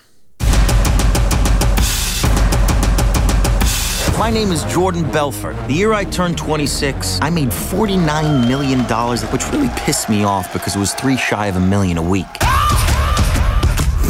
We're making a name for ourselves. Een, een, slik, eh, een gladde verkoper in, ja, in, in, in waardeloze aandelen eigenlijk. Een, eh, een jongen van de straat die eh, op een zeker moment een pak aandoet... en dan arme, of, rijke, maar eigenlijk arme mensen gaat proberen ja, geld afhandig te maken. Ehm, het is een, een gedeelte van de jongetjes van zo rond de twintig wil dit heel graag worden. De rest van de natie haat dit type. Was all this legal? Absolutely not. We were making more money than we knew what to do with. We don't work for you, man. You have my money taped to your boobs. Technically, you do work for me. What's wrong, Daddy? But watching you bring home. Oh my god. Ontmoet Jordan Belfort, een witte boordencrimineel die in de jaren 90 200 miljoen wist te verdienen. Die succesvolle beursdagen vierde met een spelletje dwergwerpen, een handje pillen of een fanfare met strippers. Dat valt tenminste te zien in Scorsese's Wolf of Wall Street. En Jort Kelder vond het een feest. Ja, heerlijk. Ik, ja, ik, ik, ik durf dat natuurlijk in dit Calvinistische Nederland bijna niet toe te geven. Maar ik vind dat dus drie uur lang genieten. Ik vind het geweldig. Het is, het is natuurlijk alles wat eigenlijk niet mag van je moeder. En, uh, en waarschijnlijk ook niet van je vader. Um, het is, kijk, ik ben natuurlijk een fan van Wall Street. Uh, van uh, Oliver Stone in 1987. Dat is een beetje mijn... Um, nou ja, inleiding in de financiële wereld, in ieder geval op het, op het witte doek. Die film heeft, ik zal niet zeggen mijn leven bepaald, maar heeft voor mij veel betekend. Want dat, dat, gaf dat ineens dat New York, dat leven, dat, die snelle jongens, dat snelle geld. Dat, dat heeft eigenlijk betekend waarom ik bij Quote ging werken. En later die Quote 500 rijke Nederlanders ging maken met mijn redactie. En het zit in één lijn. Mooi gedraaid. Uh, zo nu en dan eh, Scorsese laat, hem, laat, dus de hoofdfiguur ook de hele tijd tot je praten. Dus je voelt je ook best dichtbij. Het is met heel veel van die vliegende shots, van die, van, hè, van die parties en eh, op die beursvloer. Het wordt, het wordt heel sexy gebracht. Even los van de seksscènes dan. Um, ik vind overigens de tegenspelers ook niet direct onaantrekkelijk. Dus ook wel lekker om naar te kijken. Maar um, ik vraag me af of je je heel verbonden voelt met hem. Ik denk dat er heel weinig mensen zich in hem zullen herkennen. Dat had je misschien nog. Misschien had je dat meer met Bud Fox, zeg maar de hoofdfiguur in Wall Street, eh, Gecko en Bud Fox. Bud Fox was nog meer een loser en was uiteindelijk een good guy, een goede jongen die, nou ja, het goede deed, namelijk zijn baas verlinken en, en de zaak. En die Belfort blijft natuurlijk toch wel een foute gast. Critici van de film betwijfelen of het gros van de bezoekers dat ook zo zal zien. Scorsese bedoelde het als een aanklacht, maar Jordan Belfort komt er, zowel in de film als in het echt, aardig goed vanaf. Jawel, er zit natuurlijk een morele lading in die film, maar het is maar net met welke oog je naar gaat kijken. Ga je er naar kijken als jonge, ambitieuze twintiger, dan vind je het wel een oplichter, maar je vindt het ook wel spannend. Ga je erheen als 50 plus uh, gedesillusioneerd, uh, braaf, uh, betrouwbaar links stemmend, dan denk je, ja zie je wel, ik wist het altijd al. Dus het is ook maar net wat je wil zien. En sinds 2008, sinds die crisis uit elkaar geklapt is, moet je toch wel behoorlijk blind zijn om het niet te zien. in one month, Jordy? Huh? They're business expenses. Yes. Jordy, look what you got here. What? Look at this. $26,000 for one dinner. No, no, no. This could be explained. Dad, we had client. We had Pfizer, the Pfizer clients. Right, the porterhouse from The Argentina. expensive champagne and the wine. We had to buy champagne. And, and you ordered all the sides. Tell them about the sides I you ordered ordered. the sides, so Sides? Yeah. Sides? $26,000 worth of sides? What are these sides? They cure cancer? The sides did cure cancer. That's the problem. They were there. That's why they were expensive. Shut up. I'm serious. I know. Stop. Ja, maar ik, ik heb er eigenlijk altijd hetzelfde naar gekeken als ehm eh, criminele, eh spannende, als boefjes in zaken, als, als beursbengels. Ik heb ze altijd dubieus gevonden, maar ook spannend. Eh, maar ik vind spannende mensen stukken interessanter om te bestuderen, om te bekijken en soms ook om mee te zijn, dan eh saaie, brave eh bonentellers. Eh, het, het blijft een bijna erotiserend bestaan. En het effect van Oliver Stone destijds, de oude Vietnam-veteraan die Wall Street maakte, die wilde een aanklacht tegen Wall Street. En dat is eigenlijk toen Wall Street nog maar een paar jaar bezig was in de jaren tachtig, dat het pas een paar jaar los aan het gaan was. Het effect was precies het tegenovergestelde. Steeds meer ambitieuze mannetjes wilden bij Goldman Sachs en Morgan Stanley enzovoort. Mijn voorspelling is dat deze film meer aanhangers van de financiële wereld, namelijk meer sollicitanten zal opleveren, van nog meer agressieve mannetjes, dan tegenstanders. En die tegenstanders zijn er al. Maar het zal meer. Ik, ik, ik, ga, laat ik het zo zeggen. Ik ga mijn neefjes eh, van eh 16, 17, 18 verbieden om naar deze film te gaan. Want straks eh, willen ze ook eh, de financiële wereld in. Dat zou toch slecht nieuws zijn. There's two keys to success in the broker business. First of all, you gotta stay relaxed. Yeah. You jerk off? Do I, do I jerk off? Yeah. Yeah, I jerk off, yeah. How many times a week? Like, um, three, three, four, three, four times, maybe. I gotta pump those numbers up. Those are rookie numbers in this racket. Think about it. You- You're dealing with numbers all day long. Decimal points, high frequencies, bang, bang, bang. Digits, all very acidic, above the shoulders mustard. All right? It kind of can wig some people out. Right. You gotta feed the geese to keep the blood flowing. Now keep the rhythm below the belt. Mooie scène tussen McConnelly en Leonardo DiCaprio. Waarbij DiCaprio echt de jonge handelaar is. Die een beetje bleu binnenstapt in, in, in, het, in, in het bedrijf, in het handelsbedrijf. En de eerste dag op de vloer meemaakt, op de handelsvloer. Het nog niet zo goed doet. En mee moet aan het einde van de dag om te eten met een van de senioren. Matthew McConnelly. Die dat geweldig speelt. Want die legt eigenlijk uit, onderwijl snuivend en cocktails drinkend. eh, hoe het werkt. En dan zegt eh, de nog een beetje naïeve eh DiCaprio zegt, ja maar, eh, Belfort dus, de hoofdpersoon, die zegt, ja maar, eh, wacht even, het, is toch zo dat wij dan iets verkopen en dan verdienen wij dat aan, maar voor de klant is het ook goed, want de aandelenkoers gaat omhoog. En dan zegt hij, nee, nee, nee, dat is helemaal verkeerd. Het is helemaal niet de bedoeling dat de klant eraan verdient. Als de klant winst maakt, dan zorg je dat die winst papieren winst blijft en dat hij dat doorschuift in een nieuw product wat je hem aansmeert, een nieuw aandeel. En dan zorg je weer dat dat stijgt. En dan stappen wij er weer uit met commissie. En dan verkoop je hem weer een ander aan. Dus je speelt een piramidespel met de klant. Uiteindelijk zal dat imploderen, maar dan zijn wij al weg met de buit. Het is een volkomen immorele business. En eh, doe nou maar mee. En langzaam maar zeker zie je tijdens die scène... ehm, is DiCaprio, is, is Belfort nog een beetje ongelovig. Maar het is te aantrekkelijk om niet mee te gaan in dit sprookje. In dit vredesprookje, zal blijken. De scène speelt zich af op de 70ste verdieping of zo in een flat. Dus je ziet heel Manhattan. Dus die scène gaat over de financiële wereld. Die gaat over Wall Street. Die gaat over het centrum van het wereldkapitalisme. Wat Wall Street nog steeds is. Dus hij zegt iets over die hele financiële wereld. Ik denk dat een hele hoop bankiers zich aangesproken voelen. eh, en aangesproken zouden moeten voelen. Ehm, eh, ja, maar ja, dat, ja, zegt hij daarmee over iedereen iets? Nou ja, misschien wel over te veel mensen in ieder geval. En Nou ja. sinds de crisis, laten we ze wel zijn, we hebben onze naïviteit toch wel afgeworpen. Nobody knows if the stock is going to go up, down, sideways, or in circles. You know what a fugazi is? Oh, Fugazi. It's uh, fake. Yeah, fugazi, fugazi. It's a wazi, it's a woozy, it's a fairy dust. De beste scène, wat is de beste scène uit de film? Ik vind eh, de, de scène met McConnelly, eh, de, de, de, de oudere bankier die hem even het, het nobele vak van het oplichten leert, is schitterend. Maar ik vind eigenlijk, en dat is ook een rode lijn in de film, de speeches van, eh, van Belfort. Hij heeft een waanzinnig charisma. Mannen van 25, 30 willen daarin geloven. We luisteren ook graag naar Obama. Dat is niet wezenlijk anders. Het zijn allemaal pep talks. Ehm, die, uh, die, die, de, die de handelaar op de vloer moeten aanzetten om nog meer risico te nemen en nog meer mensen geld uit de zak te kloppen. Maar dat doet hij geweldig. En ik dacht natuurlijk meteen in de vergelijking met Gordon Gekko in Wall Street, die dat ook fantastisch doet. Die spreekt op een gegeven moment de aandeelhoudersvergadering van Tell Our Paper toe. Ik vond eerlijk gezegd um, Gordon Gekko um, in die rol uh, iets meer geloofwaardigheid hebben, omdat hij wat meer senior is. Het rare in deze film is dat natuurlijk Leonardo DiCaprio altijd dezelfde leeftijd houdt. En je gelooft toch eerder iets van iemand die overal al geweest is, die 45 of 50 is, dan een junior die eruit ziet als een 28-jarige. Uh, maar ik vond dat hij dat ongelooflijk goed deed. En hij kan zijn woede goed opwekken. En je ziet dus, de, het is dus ook een, een, persiflage of eigenlijk een aanklacht tegen al die goeroes. Je hebt zoveel financiële goeroes en andere goeroes die de, de tv-dominees, die de menigte opzwepen, die eigenlijk een bullshit verhaal lopen te vertellen. Maar je bent toch geneigd, als je onderdeel van die groep bent, om erin mee te gaan. Het is een massahysterie die ze waarschijnlijk ook gebruiken bij het aanvoeren van legers die de loopgraven uit moeten.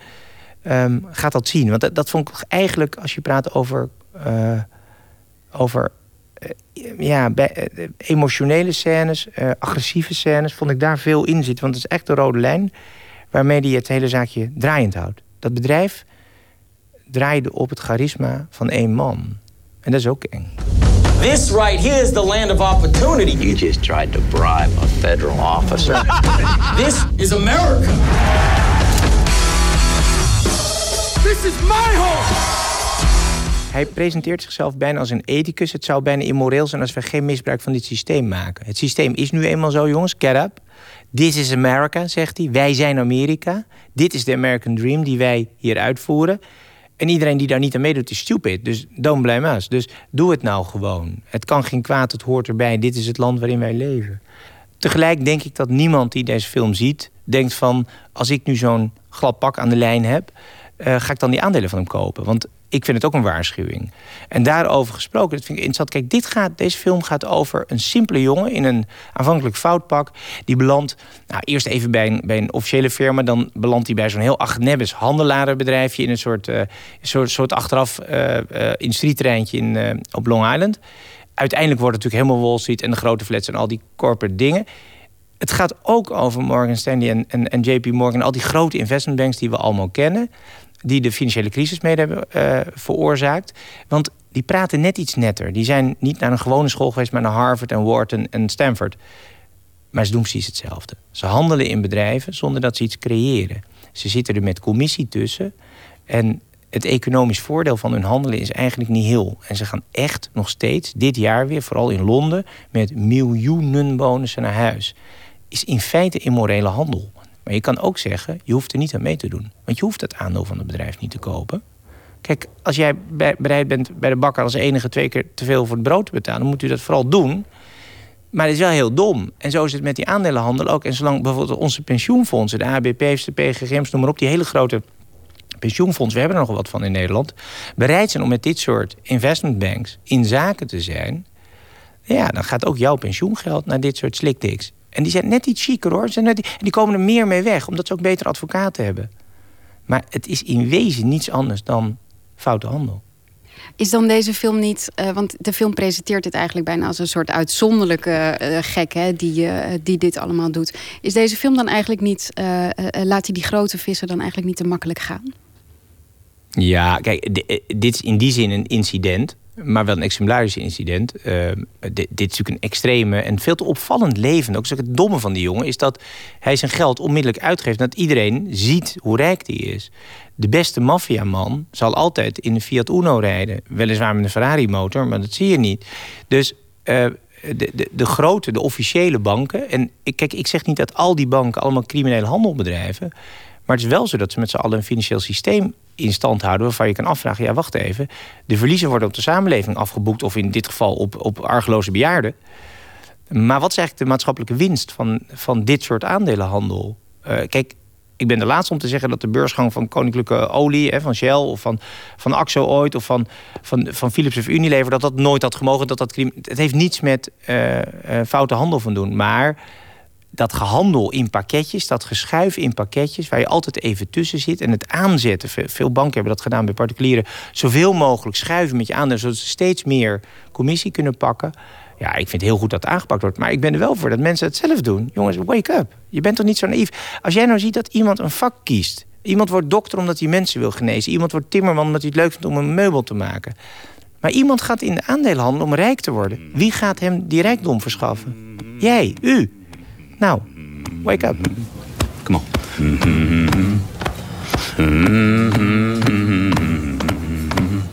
Oh. Yeah. Wake Up, zei uh, Jort Kelder in gesprek met Floortje Smit over de film van Scorsese, The Wolf of Wall Street. En die is vanaf morgen te zien in de bioscoop. En de film heeft ook een mooie soundtrack met veel oude nummers uit allerlei uh, genres, maar ook nieuw opgenomen nummers. Waaronder eentje van soulzangeres uh, Sharon Jones. En voor de soundtrack van deze film nam zij een versie op van het nummer van James Bond, Goldfinger van Shirley Bassey.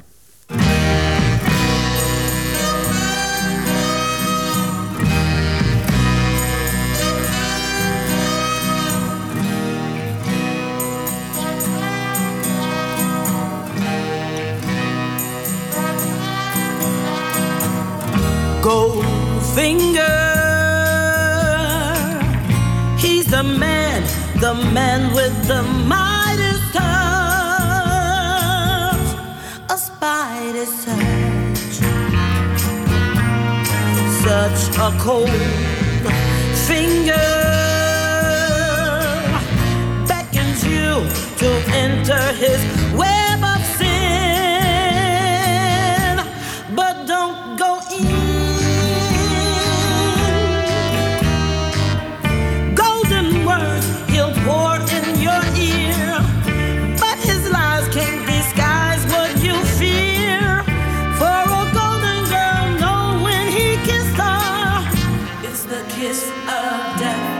Mr. Goldfinger. Pretty girl, beware of his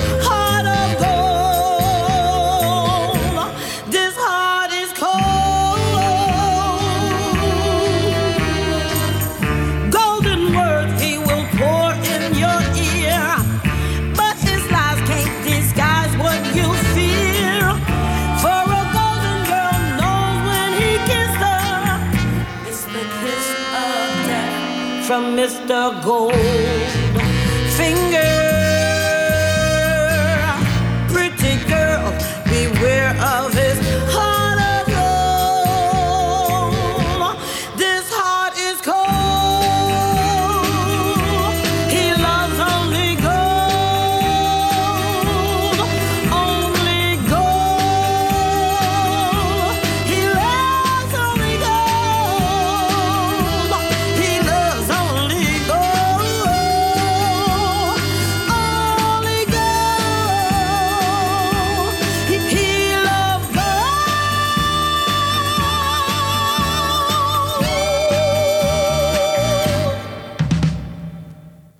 Goldfinger van Sharon Jones en de Dap Kings van de soundtrack van de film The Wolf of Wall Street. In de rubriek Door de Nacht vertellen mensen wat hen ooit door de nacht heeft geholpen.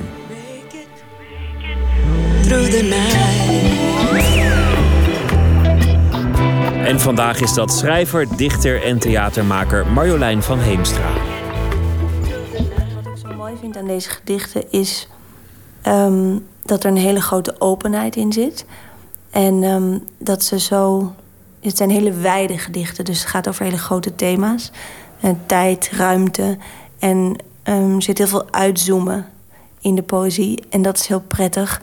Eh, vooral, ja, vooral als je dit s'nachts leest, als je niet kan slapen en eh, wakker achter je bureau zit, dan vind ik het een hele, heeft het een hele relativerende werking. In de dageraad. O, wat bestendig. En wat hebben we bestendigheid nodig? Voor het opgaan van de zon zuigt de hemel zich vol licht. De gebouwen kleuren lichtroze, de bruggen en de Seine. Ik was hier toen zij met wie ik wandel nog niet was geboren en de steden op de verre vlakte ongeschonden stonden, voor ze in de lucht opstegen als stof van grafsteen, en daar mensen woonden die niets wisten. Werkelijk is voor mij alleen dit ogenblik in de dageraad. De voorbije levens zijn even onzeker als mijn vroegere ik. En ik bezweer de stad. Ik vraag haar, blijf bestaan. En volgens mij spreek je zijn naam uit als Czeslaw Miloš, maar het kan ook Czesław Miłosz zijn. en uh, het is een Poolse dichter. Hij is geboren in 1910 of 11, zeg ik nu uit mijn hoofd. En um, hij heeft de Nobelprijs gewonnen en ontzettend veel geschreven. Heel veel poëzie geschreven. Miloš had een heel veelbewogen leven. Hij werd uh, geboren in een oude adellijke Poolse familie. En hij reisde met zijn vader mee, die ingenieur was. En hij zag dus al heel jong uh, revolutie en oorlog in Rusland. En uh, tijdens de Tweede Wereldoorlog, volgens mij, is hij gevlucht naar Roemenië. En um, hij is uh, tijdens het communisme naar Europa gegaan, daarna naar Amerika. En zijn werk was ook verboden in Polen, lange tijd. Tot in de jaren tachtig, toen mocht het weer gelezen worden. Maar hij heeft dus eigenlijk wel al die, die nou, de zwarte kanten van de Europese geschiedenis meegemaakt. En dat lees je ook heel erg terug in zijn werk. Het mooie is dat hij, dat hij daarbij altijd heel beschouwend blijft. En heel, het wordt nergens pathetisch of, of ook niet belerend of zo. Het is altijd heel onderzoekend en licht. De zin. Eenmaal dood zal ik de voering van de wereld zien. De achterkant. Voorbij de vogel, berg, zonsondergang, de ware betekenis die om ontcijfering roept. Wat onverenigbaar was, wordt nu verenigd. Wat buiten ons begrip viel, zal begrepen worden. Ja, dat klinkt een beetje pathetisch, maar ik voel me dan dus best wel begrepen. Als ik zo'n gedicht lees, s'nachts, zoals dat gedicht wat ik net las, zag oh ja, kan ik me helemaal voorstellen dat iemand anders dat geschreven heeft, ook zo in een nacht wakker. Het gaat echt over, nou ja, over eh, als ik, als ik er niet meer ben. En eigenlijk over, um, ja, misschien, misschien is er geen zin, behalve het feit dat er is wat er is. En dat is ook genoeg, want dan is er altijd nog hè, de taal en het woord en datgene waar we nu mee bezig zijn. Dat, uh, dat blijft en dat heeft, een, dat heeft een waarde op zich. Het gaat niet over een gebroken hart of over um, de dingen waar je misschien over nadenkt als je s'nachts wakker zit. Of over je eigen kleine problemen, maar het zoomt wel uit naar iets groters. Maar als de wereld nu geen voering heeft, als de lijster op de tak geen enkel teken is, alleen een lijster op een tak, als de dagen en de nachten elkaar opvolgen en zich niet bekommeren om een zin, en er op aarde niets is buiten deze aarde. Al zou het zelfs zo zijn, dan nog blijft het woord. Dat, eenmaal gewekt door vergankelijke lippen, zal rennen, rennen als een onvermoeibare koerier over interstellaire velden, wentelende melkwegen en protesteren, roepen, schreeuwen. Vaak als ik dus wakker lig, dan sta ik op tegenwoordig en dan ga ik beginnen met schrijven. En dan heb ik geen zin om proza te lezen, omdat dat zo uh, dwingend is vaak. En dan moet je ergens naartoe. Dus er wordt een verhaal verteld en je moet met mensen mee en dan zijn er uitstapjes en zo. En een gedicht is gewoon is zo ruim en zo leeg en daar kan je dan heel makkelijk instappen of zo. En weer uitstappen en weer instappen. Dus ik kan ook weer één gedicht gewoon een paar keer lezen s'nachts. En dan gaat het steeds iets anders betekenen. Terwijl proza kan een beetje zo'n log dier zijn. Of een, ja, een groot paard waar je dan op mee moet. En dit is gewoon iets waar je zo een beetje naast kan zitten. Van hoi, zo. Dit was ineens poëzie die ik, heel, die ik heel goed begreep. En het is heel denkend en heel beschouwend. En dat vind ik een hele prettige toon, omdat ik zelf ook graag zo schrijf. Dus ik herkende me heel erg in die blik op de wereld. Het is natuurlijk niet zozeer dat ik me herken in zijn levensverhaal. Ik weet eigenlijk helemaal niet zoveel over hem, maar ik denk dat het toch wel een grote humanist was. En het gek is dat ik dat ik ook bijvoorbeeld, of dat is helemaal niet gek natuurlijk, maar je hebt een paar van die Polen, een beetje rond die tijd en iets ouder, die op de een of andere manier allemaal een toon hebben die mij op die manier raakt. Dus die zullen wel, denk ik, door elkaar beïnvloed zijn. En um, ja, dat is misschien iets heel Pools, ik weet het niet. ik weet niet waarom, maar ik heb echt zo'n stuk of vijf Polen die ik heel graag lees. Die allemaal een beetje uit die periode komen of iets later. Nee, ik ben uh, één keer geweest, uh, net na de val van de muur. Toen werd mijn vader in elkaar geslagen en werden we beroofd in onze tent. en hebben, zijn we naar Auschwitz gegaan. En uh, minderjarige aidspatiënten bezocht in een kinderziekenhuis. Dus dat was de meest naargeestige reis van mijn leven. dus ik kan niet zeggen dat ik echt goede herinneringen aan Polen heb, maar, maar de poëzie eh, bevalt me heel erg.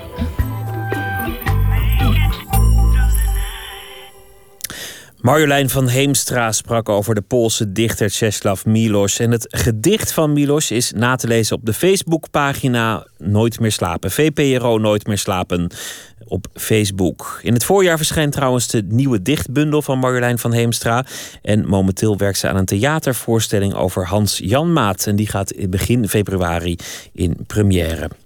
We gaan uh, verder met uh, muziek. Eens even kijken waar ik het... Uh, gelaten heb wat wij gaan draaien. Oh ja, hier heb ik zin in. Ja, wat kan je erover zeggen? Ray Charles, I Believe to My Soul. Dat is toch eigenlijk wel de mooiste soul die uh, ooit gemaakt is.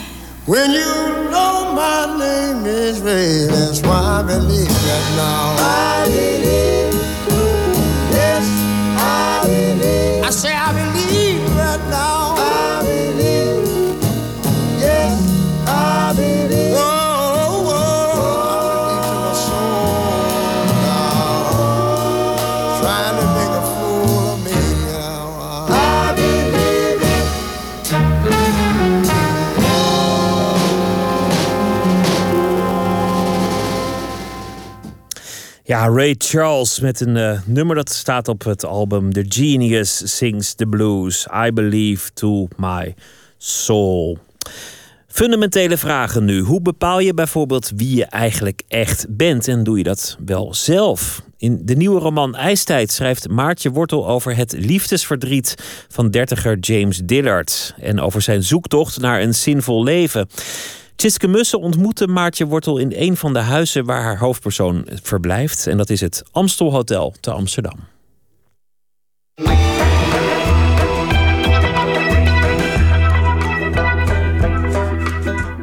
Ik zat net te denken, dit is eigenlijk een plek voor uh, beroemdheden en grote filmsterren en zo. Die je dan bij premières wel eens in beeld ziet komen. Maar ben jij hier wel eens geweest? Uh, nee, ik ben hier zelf nog nooit geweest ja, mijn moeder gaat er wel eens naartoe om een kopje koffie te drinken. En dat je een spectaculaire schaal met chocolaatjes krijgt. Maar ik ben hier zelf nog nooit geweest. Wat is je eerste indruk? Eh, ja, heel chic. Maar wel niet op een... Ik, ik hou niet zo van chic, maar het is wel chic op een oud geldachtige manier. Dus dan is het is wel mooi eh, klassiek. En het viel me net op, als je hier de trap oploopt... dat je dan moet kiezen of je naar links of naar rechts gaat. Je kan niet gewoon rechtdoor. Ik raakte een beetje in verwarring. Daar hou ik wel van. De reden dat we hier zitten is omdat jouw eh, nieuwe boek uit is, IJstijd. De hoofdpersoon eh, James Dillard die, eh, die brengt veel tijd door in hotels. En ook hier in het Amstel Hotel. Ja. Maar je had dus geen research gedaan naar de plek. Nee. Nee, het ging me ook niet per se... Ik heb die plek ook verder niet echt beschreven. Eh, het ging me vooral de, om, om, om het idee dat hij de hele tijd in hotelkamers woont. Ik heb wel op, bij alle hotels op internet naar alle kamers gekeken... maar ik ben niet zelf in een hotel gaan, gaan slapen of er naartoe gegaan. Maar waarom noem je dan wel het Amstel Hotel? Dat kun je ook gewoon een hotel maken, toch? Ik heb wel de Amstel gebruikt dat ze daar langs lopen. Ook niet heel uitvoerig, maar die sfeer vind ik heel fijn hier. Ik vind het eigenlijk het mooiste stuk van Amsterdam. Omdat het zo groot is en dat water en zo'n hotel, een carré. En ik vind dat heel mooi. Misschien is het goed om even die hoofdpersoon eh, wat meer te beschrijven. James Dillard heet hij. En, ja. en wat voor iemand is het? Hij is 33 jaar ongeveer. Eh, een heel normale jongen. Eh, en hij is heel, zijn moeder is heel rijk, dus hij heeft niks te doen. Hij, heeft alles al, maar hij heeft dus da- daardoor eigenlijk niets. En eh, ja, zijn zijn vader heeft volgens eigen zeggen gevochten in Bosnië. En die vergelijkt de hele tijd het leven van nu met het leven wat je kan hebben als je ergens voor moet vechten. Of als je in oorlogssituatie zit of in angst.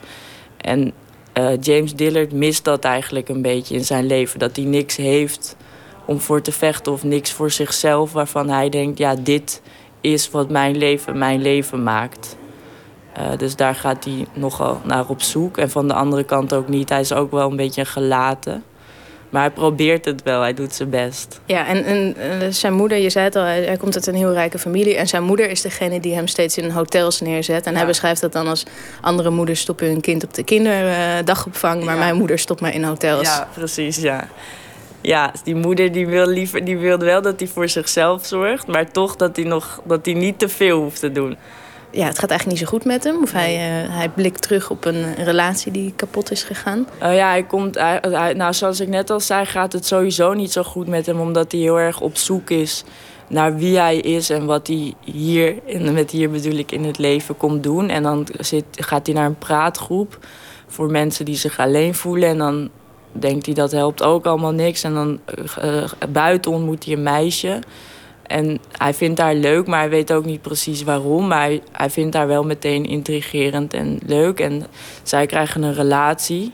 In die relatie zit ook iets van zoektocht van waarom ben je bij elkaar. En is dat omdat je, omdat je niet weet wat je hier komt doen en dat het makkelijker wordt samen. Of dat je elkaar iets kan geven wat je jezelf niet kan geven. En dat blijkt dan niet zo te zijn.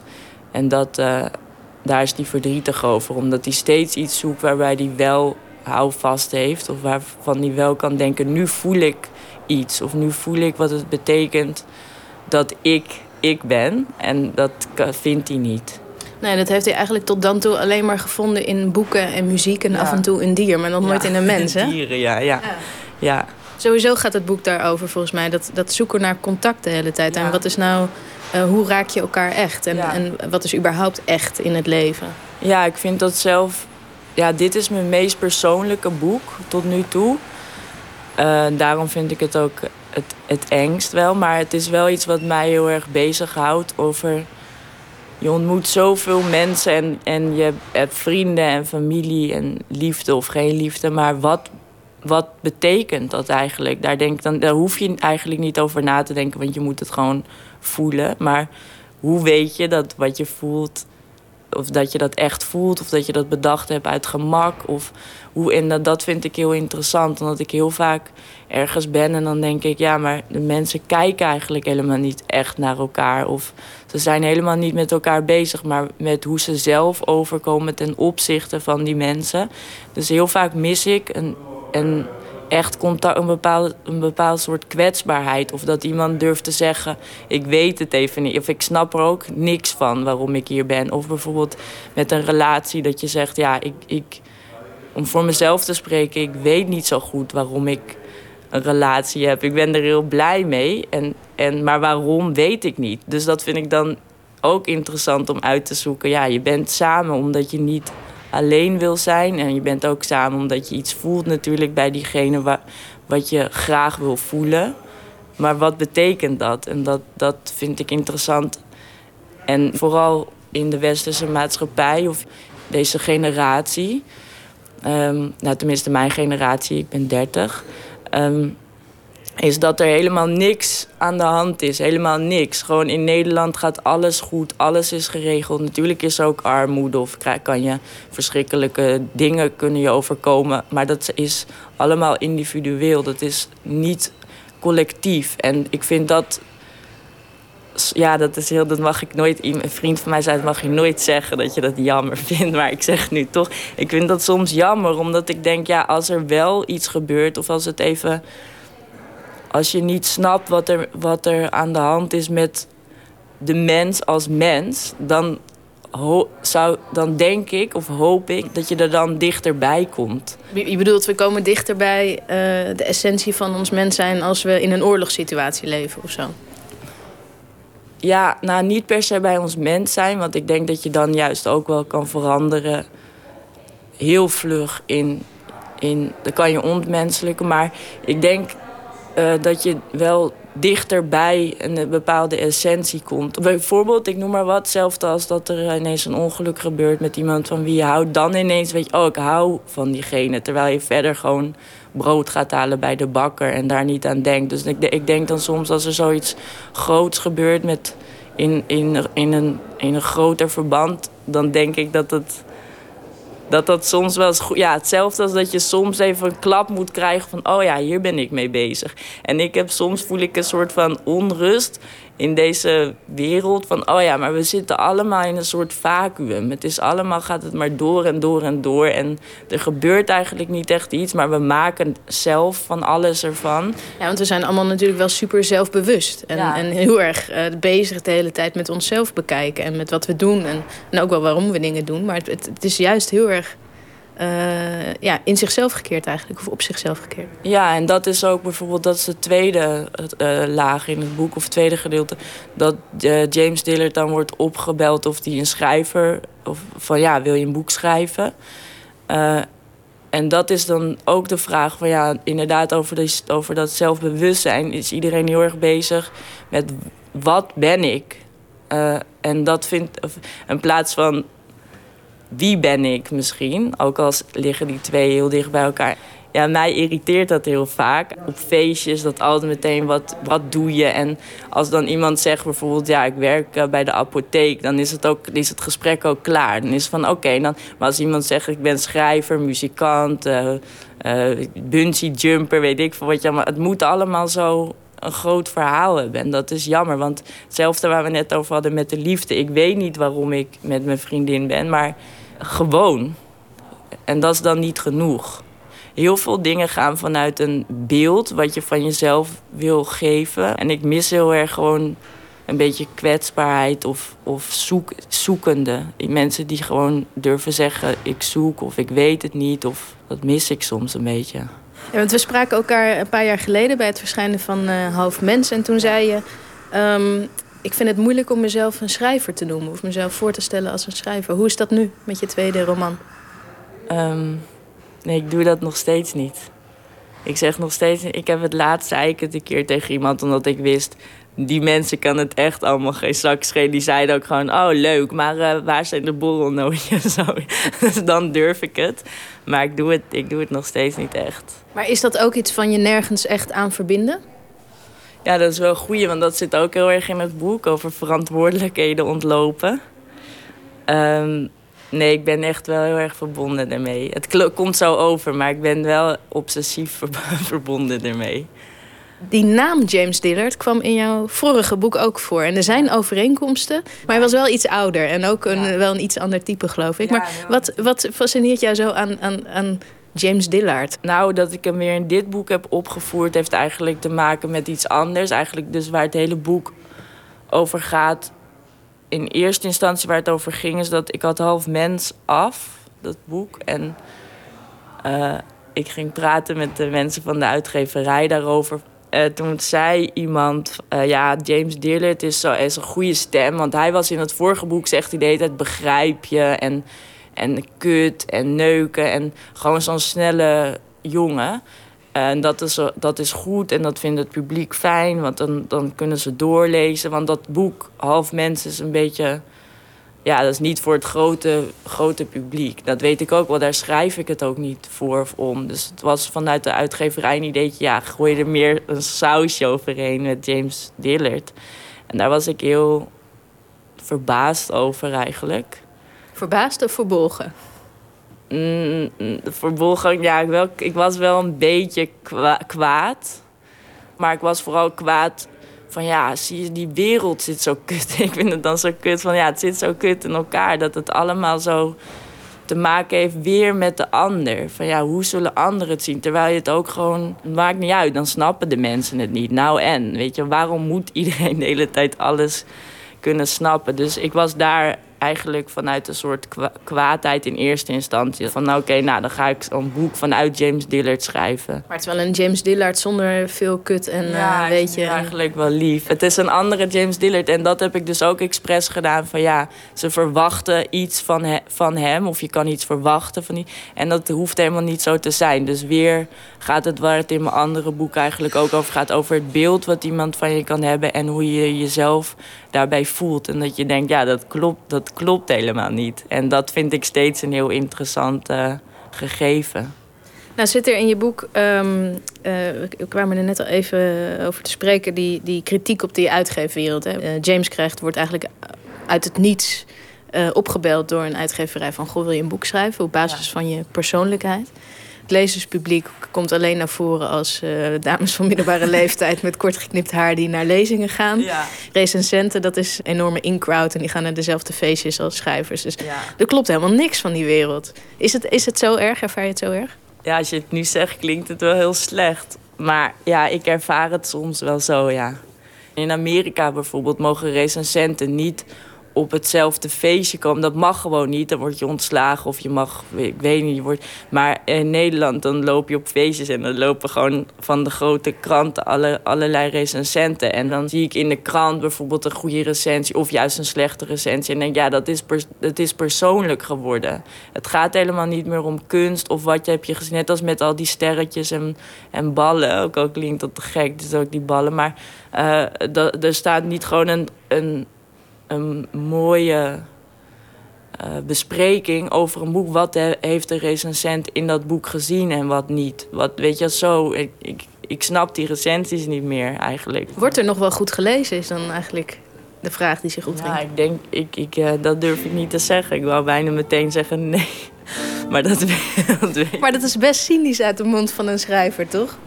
Ja, maar ik ben, ik ben niet zo cynisch, want ik ben echt naïef in dat ik... Bijvoorbeeld het gaat heel slecht met het boekenvak en zo. En ik geloof dat allemaal nog steeds helemaal niet. Ik denk, ja, iedereen die ik ken leest en leest heel veel. En op scholen en zo. En, en oude mensen. En het gaat weer goed met de bibliotheek. En ik geloof wel heel erg in de kracht van het geschreven woord en in literatuur. Natuurlijk moeten recensenten ook iedere dag... Er komt veel te veel. Het is veel te veel. Dus dan blijf maar eens goed kijken naar zoveel beelden tegelijk als dat langskomt, onthoud je, de- dan vergeet je de helft. Terwijl als je rustig gaat zitten en je gaat alleen maar naar de Amstel kijken, dan zie je ineens wat de Amstel is. Maar als je er langs fietst, niet.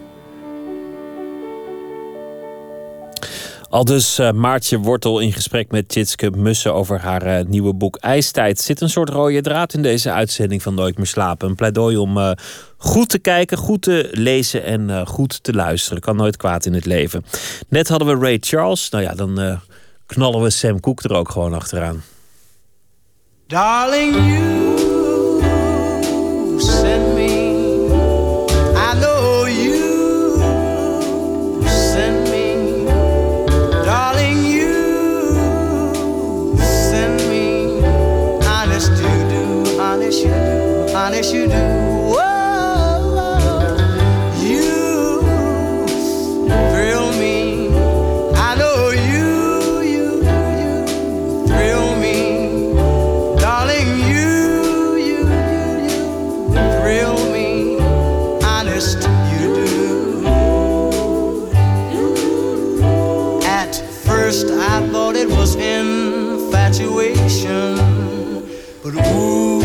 lasted so long.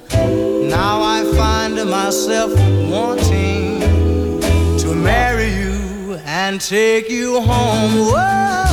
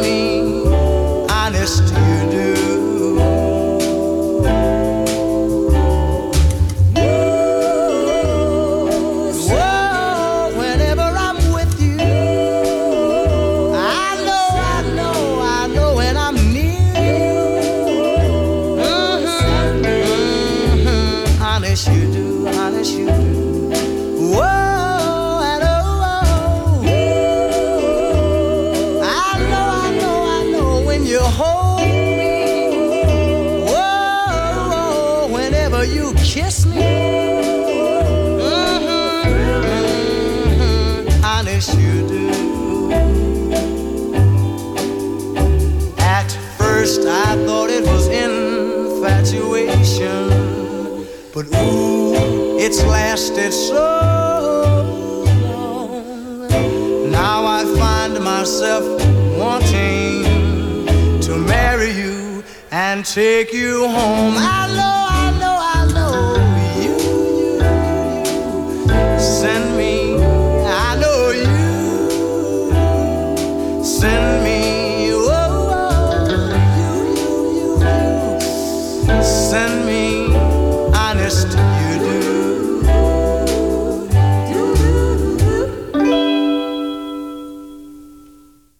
Nog zo'n soul-legende. Sam Cooke eh, was dat. En, eh, Sam Cooke die, eh, komt ineens nog een klein beetje tot leven. You Send Me heet dat nummer. En zo zijn we aan het einde gekomen van Nooit meer slapen voor vandaag. Morgen zijn we er weer. U kunt ons vinden op Twitter. VPRO NMS is de naam. En u kunt ons ook mailen nooitmeerslapen.vpro.nl. Morgen zijn we er weer na middernacht. Gaan we praten over vrouwen in de criminaliteit. Want tegenwoordig is eh, criminaliteit een mannenkwestie. Maar in het verleden lag dat heel anders. Toen waren de misdaadcijfers zo dat vrouwen eigenlijk net zo crimineel waren als mannen. Dus het ligt misschien toch niet allemaal aan de hersenen en de bouw en de natuur. Misdadige vrouwen heet het boek van Manon van der Heijden, hoogleraar stadsgeschiedenis aan de Universiteit van Leiden. En zij komt eh, morgen daarover praten. We praten ook met eh, Ferry Mingelen over zijn nieuwe begin als politiek commentator bij Pauw en Witteman. Verder eh, hebben we uh, rock'n'roll, want we gaan eh, praten met Appie Alberts, dokter in de rock'n'roll. Met de voormalig frontman van eh, AA en de Dokters. Over het Groningse verleden van eh, Appie Alberts dus. En we hebben ook uh, Sadatin Kirmisiuts te gast. Dit was het. Van alle kanten. Goeienacht.